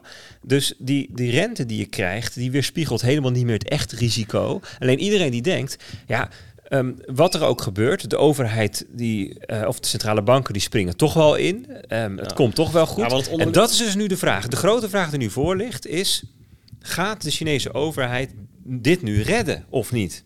Gaat, gaat, het, gaat het nou echt gebeuren dat deze tent failliet gaat en iedereen meesleurt en er een complete catastrofale uh, crisis ontstaat? Of zegt de Chinese overheid, um, uh, nee, dit fixen we wel even. We nationaliseren de tent, een bail-out, hoe je het wil noemen. Dus dat is eigenlijk de vraag die men elkaar nu stelt. Die ligt nu voor ons. Ja, precies. Ja, dat, dat, ja ik, ik ben heel benieuwd. Ja, ik, ik zie, um, ik heb me hier dus nog niet heel diep op ingelezen, maar ik heb wel allerlei berichten zien langskomen, volgens mij een uur geleden nog van Reuters. Dus dit dringt nu ook wel best wel diep door tot in onze media. Um, maar waar ik net aan dacht, hè, stel, stel ik, ik leen jou een ton uit met geld dat ik heb. En het blijkt dat jij het niet kan terugbetalen. Ja, dan, dan is dat vervelend voor me. Dat is het risico dat ik liep, maar daar gaat niemand van failliet. Het, het probleem is als ik geld kan uitlenen wat ik zelf eigenlijk ook niet heb. dus dus dat, ik, dat, ik, dat ik op basis van fracties wat ik in bezit heb een lening kan geven. En als ik die dan niet terugkrijg, dat ik op papier eigenlijk ook failliet ga. Ja, maar als jij, als jij een ton uitleent waarmee je denkt van de, wat die je nodig had voor je pensioen. Alleen, ja, je gaat pas over de. Ik bedoel, je bent een jonge god, dus je gaat pas over 30 jaar met pensioen. Dus je denkt, ik moet tot, tot aan mijn pensioen moet ik een beetje rendement maken. Want ik wil de koop, koopkracht van mijn pensioen bewaren. Dus je leent die ton uit. En dan krijg je daar rente voor. Zodat die ton langzaam groeit naar 2, naar 3 ton. Zodat je er tegen die tijd dat je met pensioen gaat evenveel voor kan kopen als nu. En dan is die ton ineens weg. Ja, maar die... Dan heb je het wel met je eigen geld gedaan. Toch is het wel een Tuurlijk, probleem. Maar als in die situatie zou je waarschijnlijk zo'n die ton niet uitlenen. Het punt is zeg maar, het ja, geld gebeurt dus wel. Ja, maar dat is het onderliggende probleem. Dus dat, dat leningen worden afgesloten, dat schulden kunnen worden gemaakt zonder dat daar daadwerkelijk en dat fractioneel bankieren. Dat het gaat niet over fractioneel bankieren. Het gaat erover dat mensen bezittingen op de balans hebben staan, namelijk uh, geld wat ze hebben uitgeleend, en dat ze dat moeten gaan wegstrepen. Dus stel dat je als pensioenfonds moet je geld beheren, dus je hebt 100 miljoen en daarvan koop je junkbonds en dan maak je rendement en op een gegeven moment krijg je ook de hoofdsom weer terug. Alleen nu gaan ze het niet meer terugbetalen, nu moet je dat wegstrepen. Dus dan heb je ineens een gat in je balans. Dat is het probleem. Ah ja, tuurlijk. Maar als je dat geld had gehad, dan heb je op zichzelf is dat vervelend. Maar dan ga je niet zelf van failliet. Dus dan is er niet een systeemrisico. Dat systeemrisico komt, uh, denk ik ook omdat er financiële instellingen zijn die geld hebben geleend aan dat bedrijf, miljarden dus. Uh, op basis van een fractie wat ze zelf in bezit, bezit hebben. En als ze die lening niet terugbetaald krijgen, dat zij op papier daar ook last van hebben. Misschien zodanig dat zij ook failliet gaan. Ja, maar dat, komt, dat, komt dus niet omdat ze uh, geld hebben uitgeleend wat ze zelf ook weer hebben geleend. Maar dat komt omdat dan hun balans gewoon, eh, dat daar gewoon een gat in ontstaat. Dat ze dan zelf minder solvabel worden en uh, verzint allemaal. Nou ja, precies. Ja, ja. Het zijn gewoon een stukje van hun bezittingen dan kwijt.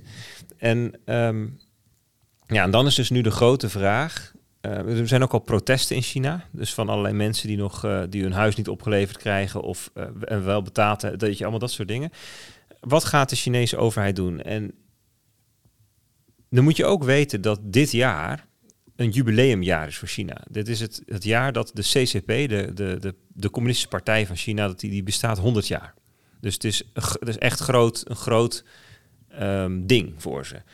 En dat overigens ook hè, um, uh, een van de takes geweest op die miners die eruit zijn gezet, dat het ook te maken had met die 100 jaar China. Weet je, dat, dan moet alles kloppen in zo'n jaar. En, en, en, op 29 juni is, het, is er ook een grote aftrap geweest van, van, van, van de festiviteiten met vuurwerken, shows, weet ik wat allemaal. Op 1 juli heeft um, uh, de president een toespraak gehouden. Um, en daarin zei hij, dat is wel aardig, zei hij... Um, vrede, eendracht en harmonie zijn ideeën die de Chinese natie al meer dan 5000 jaar nastreeft en voortzet. Maar dat is hoe ze kijken hè, naar zichzelf. Um, stabiliteit, harmonie, uh, dat zijn heel belangrijke waarden. Um, en ja, daar past niet bij dat precies in dat jaar, nog geen twee maanden later, de hele Chinese economie naar de, naar de kloten gaat. Dus alleen al vanuit dat perspectief, de trots, zeg maar, vanuit dat perspectief, verwacht ik eigenlijk dat ze um, iets gaan verzinnen om dit niet te laten escaleren. En dan zullen ze wellicht ook nog voor zorgen dat het pijn vooral gaat zitten bij de buitenlandse bondholders en niet bij de binnenlandse. Zo zijn ze dan misschien ook wel weer. Um, ja, als dit echt als dit echt van die orde grootte is die we kennen uit 2008, ja, dat, dat, dat willen ze, dat zou een enorme klap zijn. Gezichtsverlies van je, van je welste natuurlijk. Precies. Dat is een groot ding, gezichtsverlies. Ja, en zeker nu, maar, eh, terwijl ze zeg maar, ge- geopolitiek gezien aan macht winnen, zou dat het, ja, maar, dit komt op heel veel fronten echt niet uit. Klopt. Afgezien van dat het nooit uitkomt natuurlijk. Klopt. En Fitch, Fitch zei daarover echte problemen, zo verwacht Fitch, dat citeer ik even uit het Financiële Dagblad, zullen uitblijven, echte problemen zullen uitblijven, tenzij een herstructurering chaotisch verloopt. Maar dat zullen de Chinese autoriteiten voorkomen, verwacht de kredietbeoordelaar. Dus dat is ook take van, van eh, Fitch. Ja, weet je, we gaan het zien. Dit is, dit is wel iets om in de gaten te houden. Ehm, ik zag dat iemand daarover zei dat hij het bijzonder vond dat, dat de eh, buitenlandse, eh, de niet-Chinese media hier heel weinig over rapporteren. Ehm, ik zit blijkbaar in een bepaalde bubbel, want ik zie het heel veel langskomen op mijn Twitter. En het stond dus ook al in het FD twee keer gisteren en vandaag. Bloomberg ook. Ja. Dus misschien, misschien eh, was dat een oude, of een, ja, weet het niet. Maar de, hou het in de gaten, want dit Ah, het is- kan het is misschien niet op het NOS-journaal of zo, weet je. Of, ja. Dus er zijn wat specialistischere media misschien die daarover rapporteren. Ja, dus misschien dat het hier pas komt als er echt dingen... ehm, Echt stront aan de knikker is. Ja, en, en dan is nog de vraag, wat is de relatie met bitcoin? Nou ja, twee kanten kan je erop denken. Ene kant is, hier zal heel veel geld geprint moeten worden om dit ehm, op te lossen. En money printing is Nog goed meer. voor, Dus voor, voor nog bitcoin. meer schulden oplossen met schulden. En een andere kant is dat zij ook zijn, zijn ook mensen die zeggen, ja, misschien heeft eh, Tether wel ook, ehm, want die heeft namelijk ook corporate bonds in een, eh, op hun balans, dat ze dit ook hebben, dat, dat ze daardoor in een probleem komen, dat daardoor Bitcoin een klap krijgt. Dus het- ja, we, dat is leuke, Ja, die- leuke onzekerheid precies. die dan. Die vind ik wel ver gezocht, zeg maar. Dat is, dat is denk alleen gebaseerd op het feit dat er ehm, dat zij dat soort papieren op de balans hebben staan. Ja, maar het schijnt ook dat in een interview gevraagd is of ze dit hebben en dat ze toen zeiden, ja, dat kunnen we niet bevestigen of ontkennen. ja, ja, precies. Goed, nou ja, goed. eh, dat is even een klein beetje fut. Dat kan er wel bij, joh. Ah, Oké. Ja, dus dit was, dit was eigenlijk ehm, Evergrande. Shemig. Ja, echt, ik vind echt mindblowing bedragen. En ja, kijk, eh, ja, aan de andere kant, kijk, voor, voor vastgoed ontwikkelen, voor dat soort projecten is het ook niet gek dat er geld geleend wordt. Maar ja, als, je, als, je, als ik je dan hoor vertellen over wat ze allemaal daarnaast zijn gaan doen, zeg maar, ja, het is wel een soort imperium geworden. Ze zijn een soort van naast hun schoenen gaan lopen. Bizar. Ik ben heel benieuwd eh, hoe dit afloopt. Ehm, we kunnen nog iets over inflatie zeggen. We kunnen nog iets over de markt zeggen. Ehm, Bart die gaat ook nog wat vertellen. Wat zullen wij doen? Ja, we kunnen nog... De markt moeten we maar niet doen. Dat kunnen mensen in de alfa lezen. Dat, eh, Ja, dus als je een uitgebreide marktupdate wil, ehm, dan moet je even op eh, Bitcoin Alpha abonneren, bitcoinalpha.nl. Ehm en ja, weet je, volgende week hebben we ongetwijfeld weer eh, wat tijd. wat meer extra tijd. Extra voor, tijd eh, kunnen we inruimen, ook weer voor een, een goede marktupdate in de podcast. Ehm, inflatie? Ja, misschien is dat wel even leuk nog. Eh, deze week kwamen de inflatiecijfers in Amerika, die kwamen, werden uitgebracht. Ehm 5,3% inflation year on year. Dus dat is ten opzichte van vorig jaar augustus, denk ik. Hè? Dat, dat, ja, dat zijn de, de inflatiecijfers van augustus.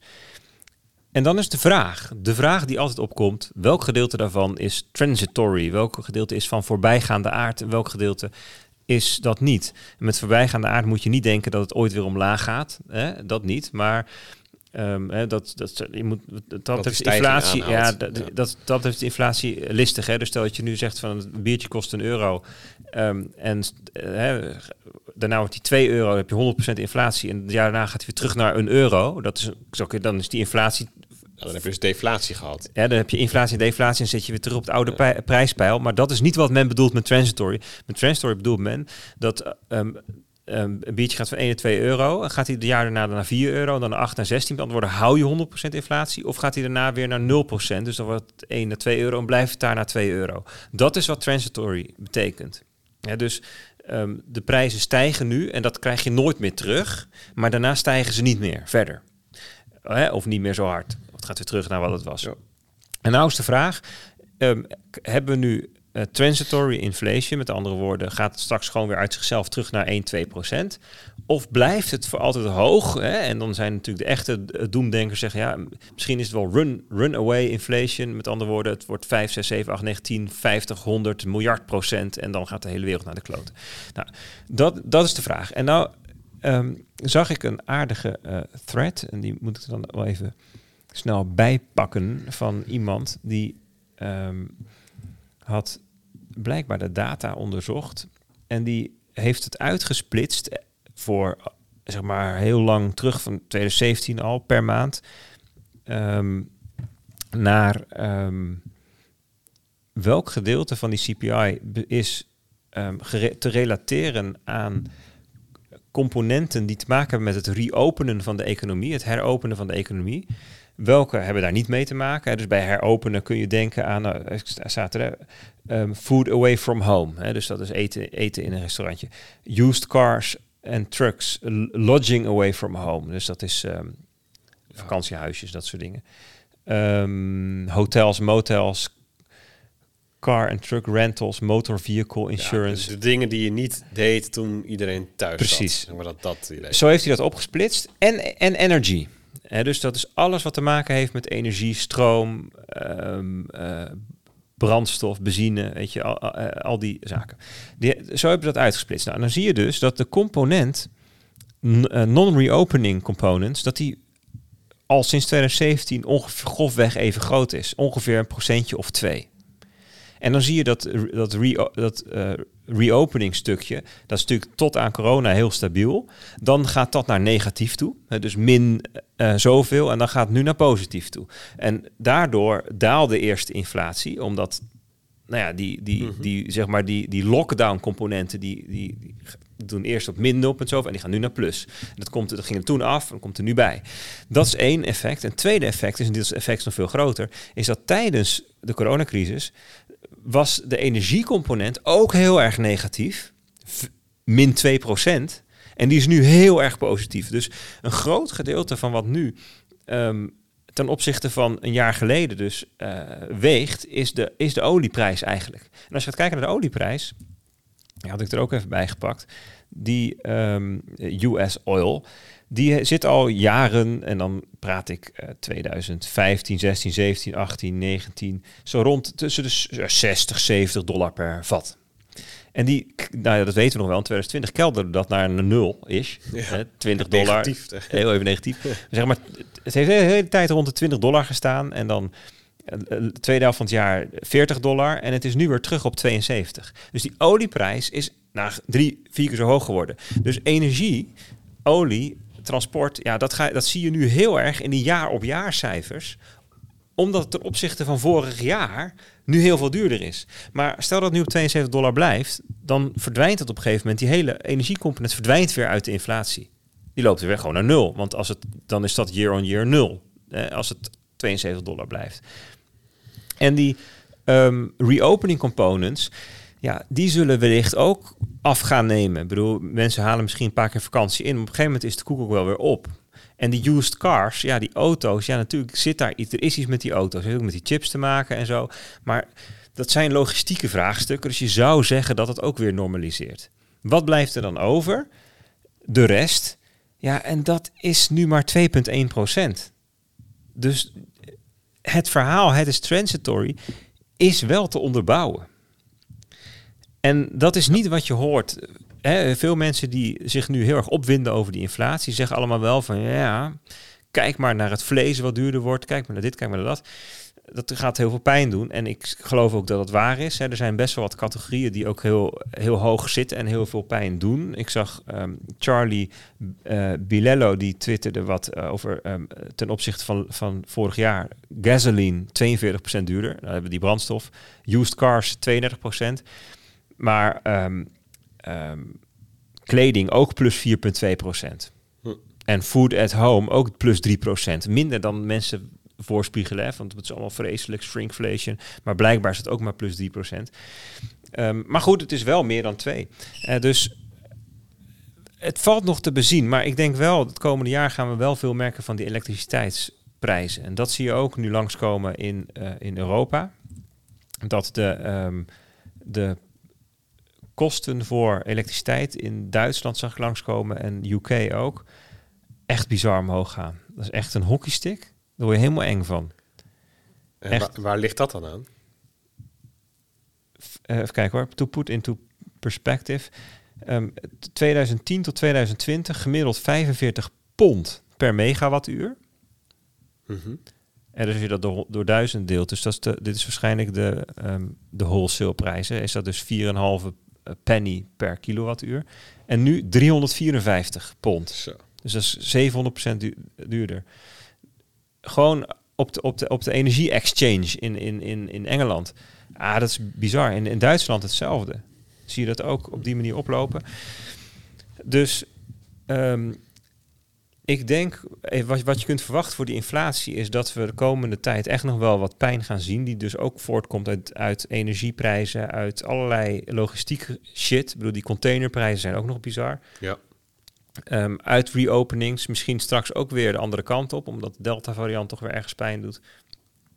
Ehm, maar of nou de lange termijn trend komende tig jaar daadwerkelijk is dat die inflatie hoog blijft, 5, 6, 7, 8 procent of meer. Ik weet het niet. Ik mis toch echt nog de argumenten en de onderbouwing daarvoor. Vooral omdat ik dan ook denk vanuit het perspectief van ja, al die technologie is zo deflatoire van aard. En die trekt die inflatiecijfers uiteindelijk zo ontzettend naar beneden. Dus Ja, ja dus, dus kortom, eigenlijk zeg je, ehm, let op je energierekening. Die eh, kan wat pijnlijker gaan worden. die gaat pijn doen. Ja. Ehm, zeg maar, de, de, de prijsindexen, dus inflatie gebaseerd op consumentenprijsindexen, ja, die, daarvan verwacht je eigenlijk, van, nou, die, die keren terug richting die, die, die om en nabij 2%. Ik weet niet precies meer wat de exacte de, eh, definitie is geweest. Eh, maar wat centraal bankiers daarvan zeggen, van nou, we verwachten dus dat het tijdelijk van aard is. Ehm, daar zeg je van, nou, daar, daar is onderbouwing voor. En het alternatief is, zie ik weinig onderbouwing voor. En dan heb ik toch wel altijd de, de kanttekeningen nog, ehm zeg maar, stemmetjes in mijn hoofd van, ja, het is wel die consumentenprijsindex waar we het over hebben. Het is wel die inflatie. Dus als Zeker. Dus Eh, asset prices, ander verhaal. Precies. en, Huizenmarkt, aandelenmarkt. en daar zou het wel eens transitory kunnen zijn. En dat is voor heel veel mensen gewoon echt heel ruk. Dat is bedoeld voor de supercycle-theoristen is het goed nieuws. Maar Nee, dat is waar. Dus kijk, er zijn, ik wil nog twee dingen over zeggen. Ja, de asset inflation, dat zien we gewoon gebeuren. Vandaag de AEX-index door de 800 punten. En dan is iedereen heel blij met, yes, mijn aandelen zijn veel waard geworden. Of is misschien je geld minder waard geworden. Dus dat is de ene kant. Andere, waar we op moeten letten is als de lonen gaan stijgen. Want dat is wat kan zorgen voor dat, dat ook die, die kern van die in- inflatie, dus wat losstaat van de energie en wat losstaat van al die ehm, eh, lockdown of reopening dingen. Als de lonen gaan stijgen, dan, bedoel, dat is niet transitory. Eh, als lonen eenmaal gaan stijgen, sticky. dan ga je, dan ga je dingen echt merken. En wat, wat ik nu hoor aan signalen is dat he- voor heel veel dingen gewoon geen personeel te vinden is. Dus ik zie bijvoorbeeld, eh, wij, we gaan, we gaan lunchen bij Vroeg in Bunnik. Ja, die zegt van we, zijn eh, minder, eh, kunnen minder goed bedienen op het terras, want we hebben personeelstekort. Ja. En wat moeten ze dan doen? Er moet dus ergens iemand op een gegeven moment besluiten, dan ga ik meer betalen. Hè, want even, even heel, heel veel kinderachtig, voor miljoen euro per uur kom ik bedienen op dat terras. En misschien voor 1000 euro per uur ook nog wel, maar voor, Dat is wel een boel. voor 2 euro per uur niet, weet je. Dus ergens zit een punt, nee, nee, maar ergens zit Ja, een punt nee, dat, dat, dat Ja. mensen allemaal daar gaan bedienen. Dus als McDonald's daadwerkelijk mensen zoekt, ja, zullen ze meer moeten gaan betalen. En ehm, Ja, als dat ze dan meer moet betalen heeft weer een effect op de prijs. Weet je wel? Dat Dat is precies, maar dat is het verhaal van inflatie. Hè. Dus als eh, bedrijven met elkaar op een gegeven moment de zuur, door de zure appel heen bijten en zeggen: Oké, nou, dan moeten we maar meer gaan betalen. Dan zullen ook al die prijzen gaan stijgen. Dat, dat, maar dat zien we nog niet. Nog niet. Nee. En als dat wel gaat gebeuren, dan wordt het transitory verhaal wel lastiger, denk ik. Dus daar gaan we op letten. het, het kabbelt nog een beetje ook tussen van ja, we moeten ook nog zien hoe dat gaat met het heropenen, weet je wel. Misschien herstelt dit, dit soort dingen zich. Het zijn opstartproblemen. Het schokt een beetje. Ja, interessant. Exactly. Ja. Mooi. Mooi stukje. Ehm, we gaan er een eind aan breien, maar niet voordat eh, jullie Bart hebben gehoord. Want Bart, die heeft nou ook nog een update voor jullie in petto. Vanuit El Salvador of vanuit Mexico. Dat is voor mij ook nog een verrassing. Uh, ik, weet vrij zeker dat het, uh, dat het leuk gaat worden. Ik denk eigenlijk dat hij gewoon nog wel een verrassing heeft voor ons. Um, dat hij opgenomen heeft in El Salvador. Misschien is het een gesprekje, misschien is het gewoon uh, zijn het wat anekdotes of um, is het een, een audiotour door El Zonte. dat gaan we meemaken. Um, dus op dit punt geven wij hem aan Bart en ja, veel luisterplezier met hem. Ja jongens, daar zijn we dan. Uh, Bartje Mol hier vanuit uh, El Zonte, El Salvador. Ja, vorige week natuurlijk een reportage gehad over Bitcoin Day in San Salvador. Uh, nou, dat beviel volgens mij wel goed. Dus deze week gaan we weer iets doen. Ik zat een beetje te denken, wat zal ik nou doen? En ik dacht, ik ga het over El Zonte hebben. Bitcoin Beach, het plekje, het surfdorpje waar ik een week verbleven ben. Um, en ik dacht, een leuke manier om dat te doen. Ik ga gewoon een rondje door het dorp doen. Nou, dat doe ik elke dag. En ik neem jullie nu gewoon mee. En dan vertel ik wat ik zie, vertel ik wat ik meegemaakt heb. En dan uh, zijn jullie er toch een beetje bij. En uh, dat klinkt gewoon wat leuker dan zo'n droge voice-over. Nou, uh, de straat onderloop hier over de onverharde weg. Want ik sta hier naast mijn... oh, hij likt een beetje aan mijn been. En hij is er weer vandoor. Nou goed, mooi. Beter dan ons dolheid. Kom er goed vanaf. ik sta voor het House. Het is een wit huis. Heel mooi. Je kan het opzoeken op Google. Het is een beetje mediterraans met uh, mooie houten deuren. Uh, Bitcoin Beach staat er ook op. En um, ja, aan de overkant is eigenlijk een soort van uh, ja, hutje met stalen spaanplaten. En daar een heel groot Bitcoin QR-logo op. Dat is een van de 30 winkeltjes die Bitcoin ontvangt via, ontvangt via de Bitcoin Beach Wallet. Nou, dat wordt hier allemaal gefixt in het Hope House. En um, hele toffe plek. Ik, loop, ik ga mijn rondje beginnen. Onverharde weg, zoals ik al zei. Als het hier uh, regent, dan uh, veranderen dit soort weggetjes echt letterlijk in een... Um, ja, hoe noem je dat? In een rivier, eigenlijk. Um, en dat, dat gebeurt steeds vaker de laatste tijd, want het is weer een nat seizoen aan het worden, denk ik. Het regen, regent gewoon heel veel, dus het is echt heel nat. Um, maar goed, dat Hope House dus. dat bestaat al langer. Hoorde ik van Roman. Roman is een van de medewerkers daar, uh, die daar eigenlijk fulltime uh, bezig is. Uh, Roman die komt hier uit de buurt, um, is hier opgegroeid. Ik stap even over een beekje heen die hier ontstaan is. Kippen rent weg van mij, of het is een gans. Ganzen rennen sowieso weg van mij de laatste tijd. ik loop nu ondertussen trouwens eventjes een soort dijk op. Um, ja, dat gaat naar de hoofdweg, zoals je misschien al een beetje hoort. Uh, een soort, ja, niet echt een snelweg, maar wel echt een provinciale weg. Twee baans, die, uh, die langs El Zonte leidt. Um, maar het Hoophuis dus, Roman, die, uh, die werkt daar. Misschien heb je hem wel op Twitter, in een van de Twitter Spaces gehoord. ja, daar vertelt hij ze nu en dan nog wel eens wat. En ik was met hem meegegaan naar een van de community events. Uh, dat is een van de dingen die ze doen. Voor kinderen in de buurt, die eigenlijk niet zoveel te doen hebben. Ja, eigenlijk gewoon niet zoveel hebben überhaupt. Uh, ja, daar organiseren ze dus activiteiten voor. En een van die dingen was een sportactiviteit op het strand. En toen ben ik meegegaan. Nou, dat was best wel leuk. Leuk om te doen. Uh, ja, gewoon leuk om te zien dat die kinderen dat tof vinden. Dat ze wat te doen hebben. Uh, dat is een van de dingen die ze organiseren. Ze doen ook Engelse lessen. Ze doen sportactiviteiten, rekenen, dat soort dingen. Van alles en nog wat. Uh, en, en onderdeel is dus ook uh, Bitcoin les. Dus het installeren van een wallet, doen van transacties. Maar dat is eigenlijk een veel kleiner onderdeel dan dat ik verwacht had van tevoren. Um, ik had verwacht dat dat meer Twee auto's komen hier voorbij. Ik had verwacht dat dat meer zou zijn. Dat het heel veel bitcoin zou zijn en een klein beetje community. Ja, bleek eigenlijk heel veel community en een klein beetje bitcoin te zijn. Alsnog meer dan genoeg bitcoin, maar het was echt gericht om de community verder te brengen, om de mensen verder te brengen. Om de mensen te leren wat geld is. De mensen te leren om te sparen. Kinderen te leren dat ze dromen mogen hebben. Um, en dat zoals ze Engels leren en met het internet om kunnen gaan, dat ze een echte kans maken. En dat is iets wat eh, de mensen hier jaren niet gehad hebben. Dus dat zit helemaal niet in het systeem. Het is vechten van, van dag tot dag. En ja, iets hebben als een droom, dat, ja, dat is veel te lange termijn. En dat is heel tof van het, uh, van het Hope House en, uh, en het Bitcoin Beach project. En dat kwam ook een beetje terug in mijn gesprek met, uh, met Enrique. Enrique, ja, dat heb je misschien al gehoord, aflevering 171. De tandarts in El Zonte. 17 jaar geleden hier naartoe vertrokken.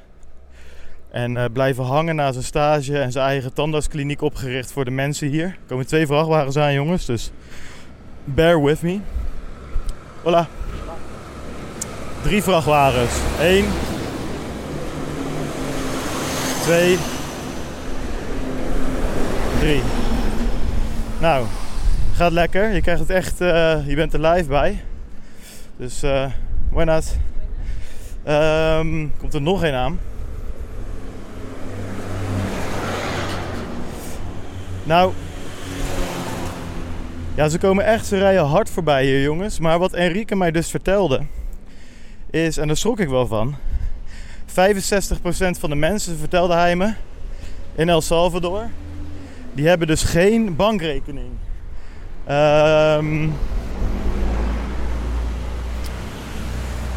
dus dat betekent dat die mensen sowieso niet sparen, geen toegang hebben tot uh, pinpassen, hebben ze sowieso niet, creditcards, lenen, dat soort dingen.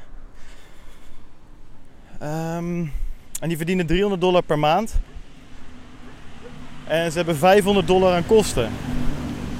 Dus die zijn eigenlijk sowieso constant al de lul. Daar kwam het op neer.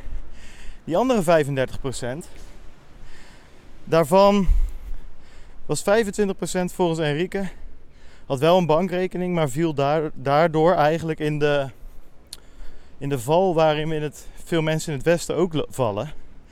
Namelijk dat ze te veel gaan lenen. Dat ze daardoor enorm hoge rentes betalen. En daardoor vast komen te zitten. Dus die mensen hadden net iets meer te besteden. Maar vielen daarna, ja, wat ik zeg, in de val van het, van het overmatig consumeren. En die zijn dus ook de lul. Kunnen ook niet sparen. En dan heb je dus nog 10% van de mensen die daadwerkelijk na kan denken over een toekomst. Over meer dan twee weken of een maand. Even over die creditcards. Die, um, Enrique die vertelde mij dat die dingen hier 5% fee gemiddeld zijn voor een transactie. En ja, niemand gebruikt ze daarom dus. Behalve als het echt moet. Om bijvoorbeeld een, ik zeg maar wat, een vliegticket te kopen naar een uh, familielid in, uh, in uh, Amerika. Daar wonen dus 2 miljoen El, El Salvadoranen, El Salvadoren, El Salvadorians. Die wonen dus in, in Amerika. Nou ja, goed, en dan moet je dus met je creditcard betalen. En dat doen dus weinig mensen. En de enige manier om in dit land te betalen naast een creditcard is cash. Dat is toch ongekend? Er is hier geen PayPal, er is hier geen Apple Pay, er is hier geen NFC, er is hier geen niks. Het is er gewoon niet. je hoort het al wel, ze zijn niet lekker aan het, uh, aan het, aan het verbouwen. Maar goed, dus online betalen bestaat helemaal niet. Digitaal betalen, digitale bankrekeningen, het is er gewoon helemaal niet. Dus daar zou je zeggen dat Bitcoin wel degelijk een oplossing kan zijn. Een ander probleem, daar had ik het net al over, zijn die remittances. 2 miljoen uh, El Salvadoranen wonen in Amerika. En in dit land wonen er nog 7 miljoen. Dat is best een fors aantal. Is gewoon pak een beetje 20% woont dus in Amerika. En die sturen geld hier naartoe. En hij vertelde me dat dat ook zomaar is 10% kan kosten. Maar dat is nog niet het ergste. Je moet ook nog eens um, naar zo'n kantoor, dat is een uur rijden, vaak of een half uur. En dan moet je daarna nog eens in de rij gaan staan om je remittances terug te krijgen. Ja, dat is natuurlijk drama. Buenas. Um, dus ja, dat, dat, dat kan Bitcoin oplossen. Het enige probleem is wel, en dat vertelde de taxichauffeur mij, is dat je alsnog met Bitcoin een uh, conversiefee hebt bij een normale ATM van 10%. Nou ja, goed, dat zouden die Chivo ATM's op moeten lossen, waar het omzetten van dollars naar bitcoin of andersom gratis zou moeten zijn. Ook daar ligt dus een flinke kans voor bitcoin. En dat zien de mensen hier echt wel in. Want die remittances is echt wel, echt wel gezeik. Uh, daar gaat echt veel tijd uh, aan verloren. En soms komt het zelfs voor als ze bij eh, Western Union op, aan de balie een vervelende dag hebben. Ja, dat ze gewoon zeggen: ja, sorry, we kunnen je vandaag niet betalen. En dan kan je weer terug naar huis op je brommertje, twee uur lang, zonder geld. Hè? En um, ja, dus die, die remittances, dat is eigenlijk niet goed geschikt voor kleine bedragen. En dat kan met Bitcoin een stuk beter. Zeker als je het dus gratis om kan wisselen. Of als je het direct uit kan geven bij bijvoorbeeld een van de 30 ondernemers hier in El Zonte, Bitcoin Beach, die daadwerkelijk Bitcoin accepteren. Ja, dat is gewoon heel gaaf natuurlijk. Ik loop inmiddels op het strand, misschien kan je het wel horen. Er komt nu een golf aan die me daadwerkelijk gaat raken als ik niet uitkijk. Ja.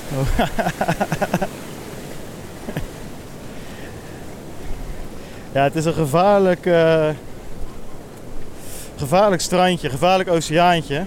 De Amerikaanse ambassade heeft ook daadwerkelijk uh, al een bericht eruit gegooid dat er te veel Amerikanen verzuipen hier in de oceaan. Dus uh, dat is niet mis. Nou goed, ik ben weer veilig aan land, dus ik ga zachtjes aan terug naar mijn hotel. Buenas. Uh, hoor je dat Edward ook voor jou geleerd? Buenas, gewoon veel slimmer. Nooit gezeik, s ochtends, avonds, middags. Werkt altijd. Ja, voor de rest, El Salvador. Het is een mooi land. Mensen zijn echt vriendelijk. Ja, goed. Ik zit ook in een toeristisch plekje. En ik ben een westerse toerist. En een zak vol sats. Dus ja, ik weet daar niet precies uh, of het dus door mij komt of uh, door die zak vol sats. Of een beetje van beide. Laten we dat laatste maar hopen dan. Um, verscheurd land. Veel oorlogen meegemaakt, veel gezeik. Um, maar ze staan er wel allemaal voor elkaar. Dat is een beetje het, uh, het ding hier. Het community gevoel. Samen met familie, vrienden. Uh, ja, de instanties kan je niet vertrouwen, dus dan moet je het maar samen doen. Want in je eentje red je het ook niet. En dat zie je terug. Dat zie je terug bij het Hope House. Dat zie je terug bij de tandarts, Bitcoin Smiles. en dat zie je op heel veel, um, heel veel plekken terug. Ja, en, en toch is het lastig om te zien hoe snel Bitcoin hier nou echt gebruikt gaat worden. Um, de mensen hebben zo weinig financieel vlees op de botten dat je gewoon een dipje niet uit kan zitten. Je kan gewoon niet eventjes uh, zo. Kom midden in de straat onder gevecht. Um, je, wow, wow, wow, wow, wow, wow, ja, word toch, nog eventjes uh, doodgebeten, net voordat ik wegga. Nou, hebben jullie dat ook nog meegemaakt? voilà. Ik loop even snel door en ik hoop dat ik niet in mijn rug gebeten word. Um, ja, maar die mensen hebben dus zo weinig financieel vlees op de botten. Ja, je, je kan niet eventjes, uh, weet je, uh, zoom out ja, lekker dan zoom out. Als je geen rode cent hebt en gewoon je eten moet kopen voor je drie kinderen. Dus dat is een lastige. Ik hoop wel dat het gratis omwisselen van bitcoin naar dollars, als dat frictieloos kan en heel goedkoop, dat zou enorm helpen. Um, want dan kunnen ze wel om die remittances heen. En een gedeelte makkelijk omzetten naar dollars. En misschien een gedeelte, een klein gedeelte wat ze over hebben. Of is het maar 10 euro, 5 euro kunnen ze dan in sats hebben staan. En dat wel voor een langere tijd houden. Zodat ze in ieder geval kunnen beginnen met sparen. Kunnen ervaren hoe dat is. Want wat ik ook van Ramon hoorde. Um, of Roman en, uh, en van Enrique. Is dat ook ja, hier toch social media en status ook wel overneemt. En die korte termijnvisie wat we ook wel in het Westen zien. Gericht op status en uh, materiële dingen. Dus ik hoop dat ze daar wat mee kunnen. Nou ja, ik heb in ieder geval echt een fantastische tijd gehad. Ik had niet verwacht dat ik het zo tof zou vinden. Zoveel mensen zou spreken. Locals, mensen, ehm, ja, mensen van over heel de wereld, bitcoiners die hier naartoe zijn gekomen. Ehm, ik had niet verwacht dat ik het zo vet zou vinden in San Salvador. Op Bitcoin Day. Ik was van plan gewoon naar de meetup te gaan. En uiteindelijk, eh voilà, zijn we de hele dag gegaan. Eh, dat was ook gewoon heel erg vet om daarbij te zijn. Had ik niet verwacht. En het tofste was denk ik nog wel ja, het enthousiasme van jullie allemaal. Thuis. Ehm, met vragen, met memes, met geintjes, met opmerkingen, met, met donaties, met biertjes die gekocht werden. Ja, ik was dan eigenlijk nog nooit in mijn eentje op vakantie geweest. En ja, dit telt ook niet helemaal, omdat jullie er eigenlijk gewoon allemaal, eh, allemaal wel bij waren. Ehm, en ik hoop dat voor jullie ook zo'n beetje voelde. Dat we toch op deze manier een beetje een idee hebben gekregen van wat voor land eh, El Salvador is. Eh, wat Bitcoin hier kan betekenen. Wat Bitcoin nu betekent. En ehm, ja, ik denk dat ik hier nog wel eens terugkom. Misschien voor die Lightning Meeting, eh, conferentie aan het eind van het jaar. Misschien gewoon over vijf jaar om eens te kijken of wat. En ik hoop dat de landen volgen. Want ja, voor mij blijft toch wel staan het, het doen van transacties hier. Of dat nou bij een grote keten als de McDonald's of bij een stalletje hier in, in, in El Zonte is. Ja, het werkt wel. En er zijn echt nog wel genoeg hoorders te nemen. Genoeg technische hoorders, genoeg juridische hoorders. Hoorders om mensen Bitcoin te laten snappen, hè, educatie. Maar de basis staat. Weet je, de proof of concept staat. Het werkt. Eh, ik heb het geprobeerd en het is gelukt. En ehm, ik denk dat dat uiteindelijk, ja, dat dat uiteindelijk de kern van het verhaal is. Ja, goed, ik ben eh, ook wel ergens weer, eh, nou niet blij dat ik wegga. Ik had nog even kunnen blijven, maar het is hier wel echt bloedverstierend, smerig warm. Vandaag weer. Maar goed, daar wen je wel aan. En ehm, ik heb een leuke tijd gehad. Dus eh, jongens, jullie razende reporter is vanaf volgende week gewoon weer terug. Dus Bartje Mol signing out. En ehm, zie jullie volgende week. Adios. Dan neem ik aan dat jullie terug zijn bij ons. dat Bart hem teruggegeven heeft aan ons. En dat, dat, dat jullie er. Ja, wij hebben het nog niet gehoord tijdens het opnemen. Jullie wel. Dus ik ga ervan uit dat het leuk was. Ehm, en daarmee ben je ook gelijk aangekomen aan het eind van de, eh, van de aflevering. Ehm, ja, wij hebben er gewoon bij het maken weer van genoten. Het, het was even. Ja, het voelt voor mij niet als een hele zit. Maar het komt omdat het gewoon allemaal leuke dingen zijn om over te praten. Ik hoop dat het voor jullie ook zo was. Ehm, ja, volgende week is Bart er weer bij als vanouds. Ehm in eh hoeveelste is het dan eigenlijk? Oh nee, het is dan nog niet de laatste donderdag van de maand. Nee, klopt. Ehm, de week daarna is live show, jongens. Die kan je alvast in je agenda zetten, jongens. Dus 30 september. Ehm, maar goed, eh, dus dan krijg je gewoon eh, donderdag de 23 e krijg je gewoon weer zoals van ouds een berichtje. Er staat een nieuwe aflevering online. Dan is Bart er ook weer bij in Nederland. Voor nu niet. Voor nu sluit ik af door alleen even Bert te bedanken. Want die was gewoon mijn co-host. Ehm, vond je het leuk? Join Telegram, volg ons op Twitter. Ehm, links vind je op satoshiradio.nl. Ehm en eh, ja, bedankt voor het luisteren. En dan eh, hoor je ons volgende week weer. Daarbij.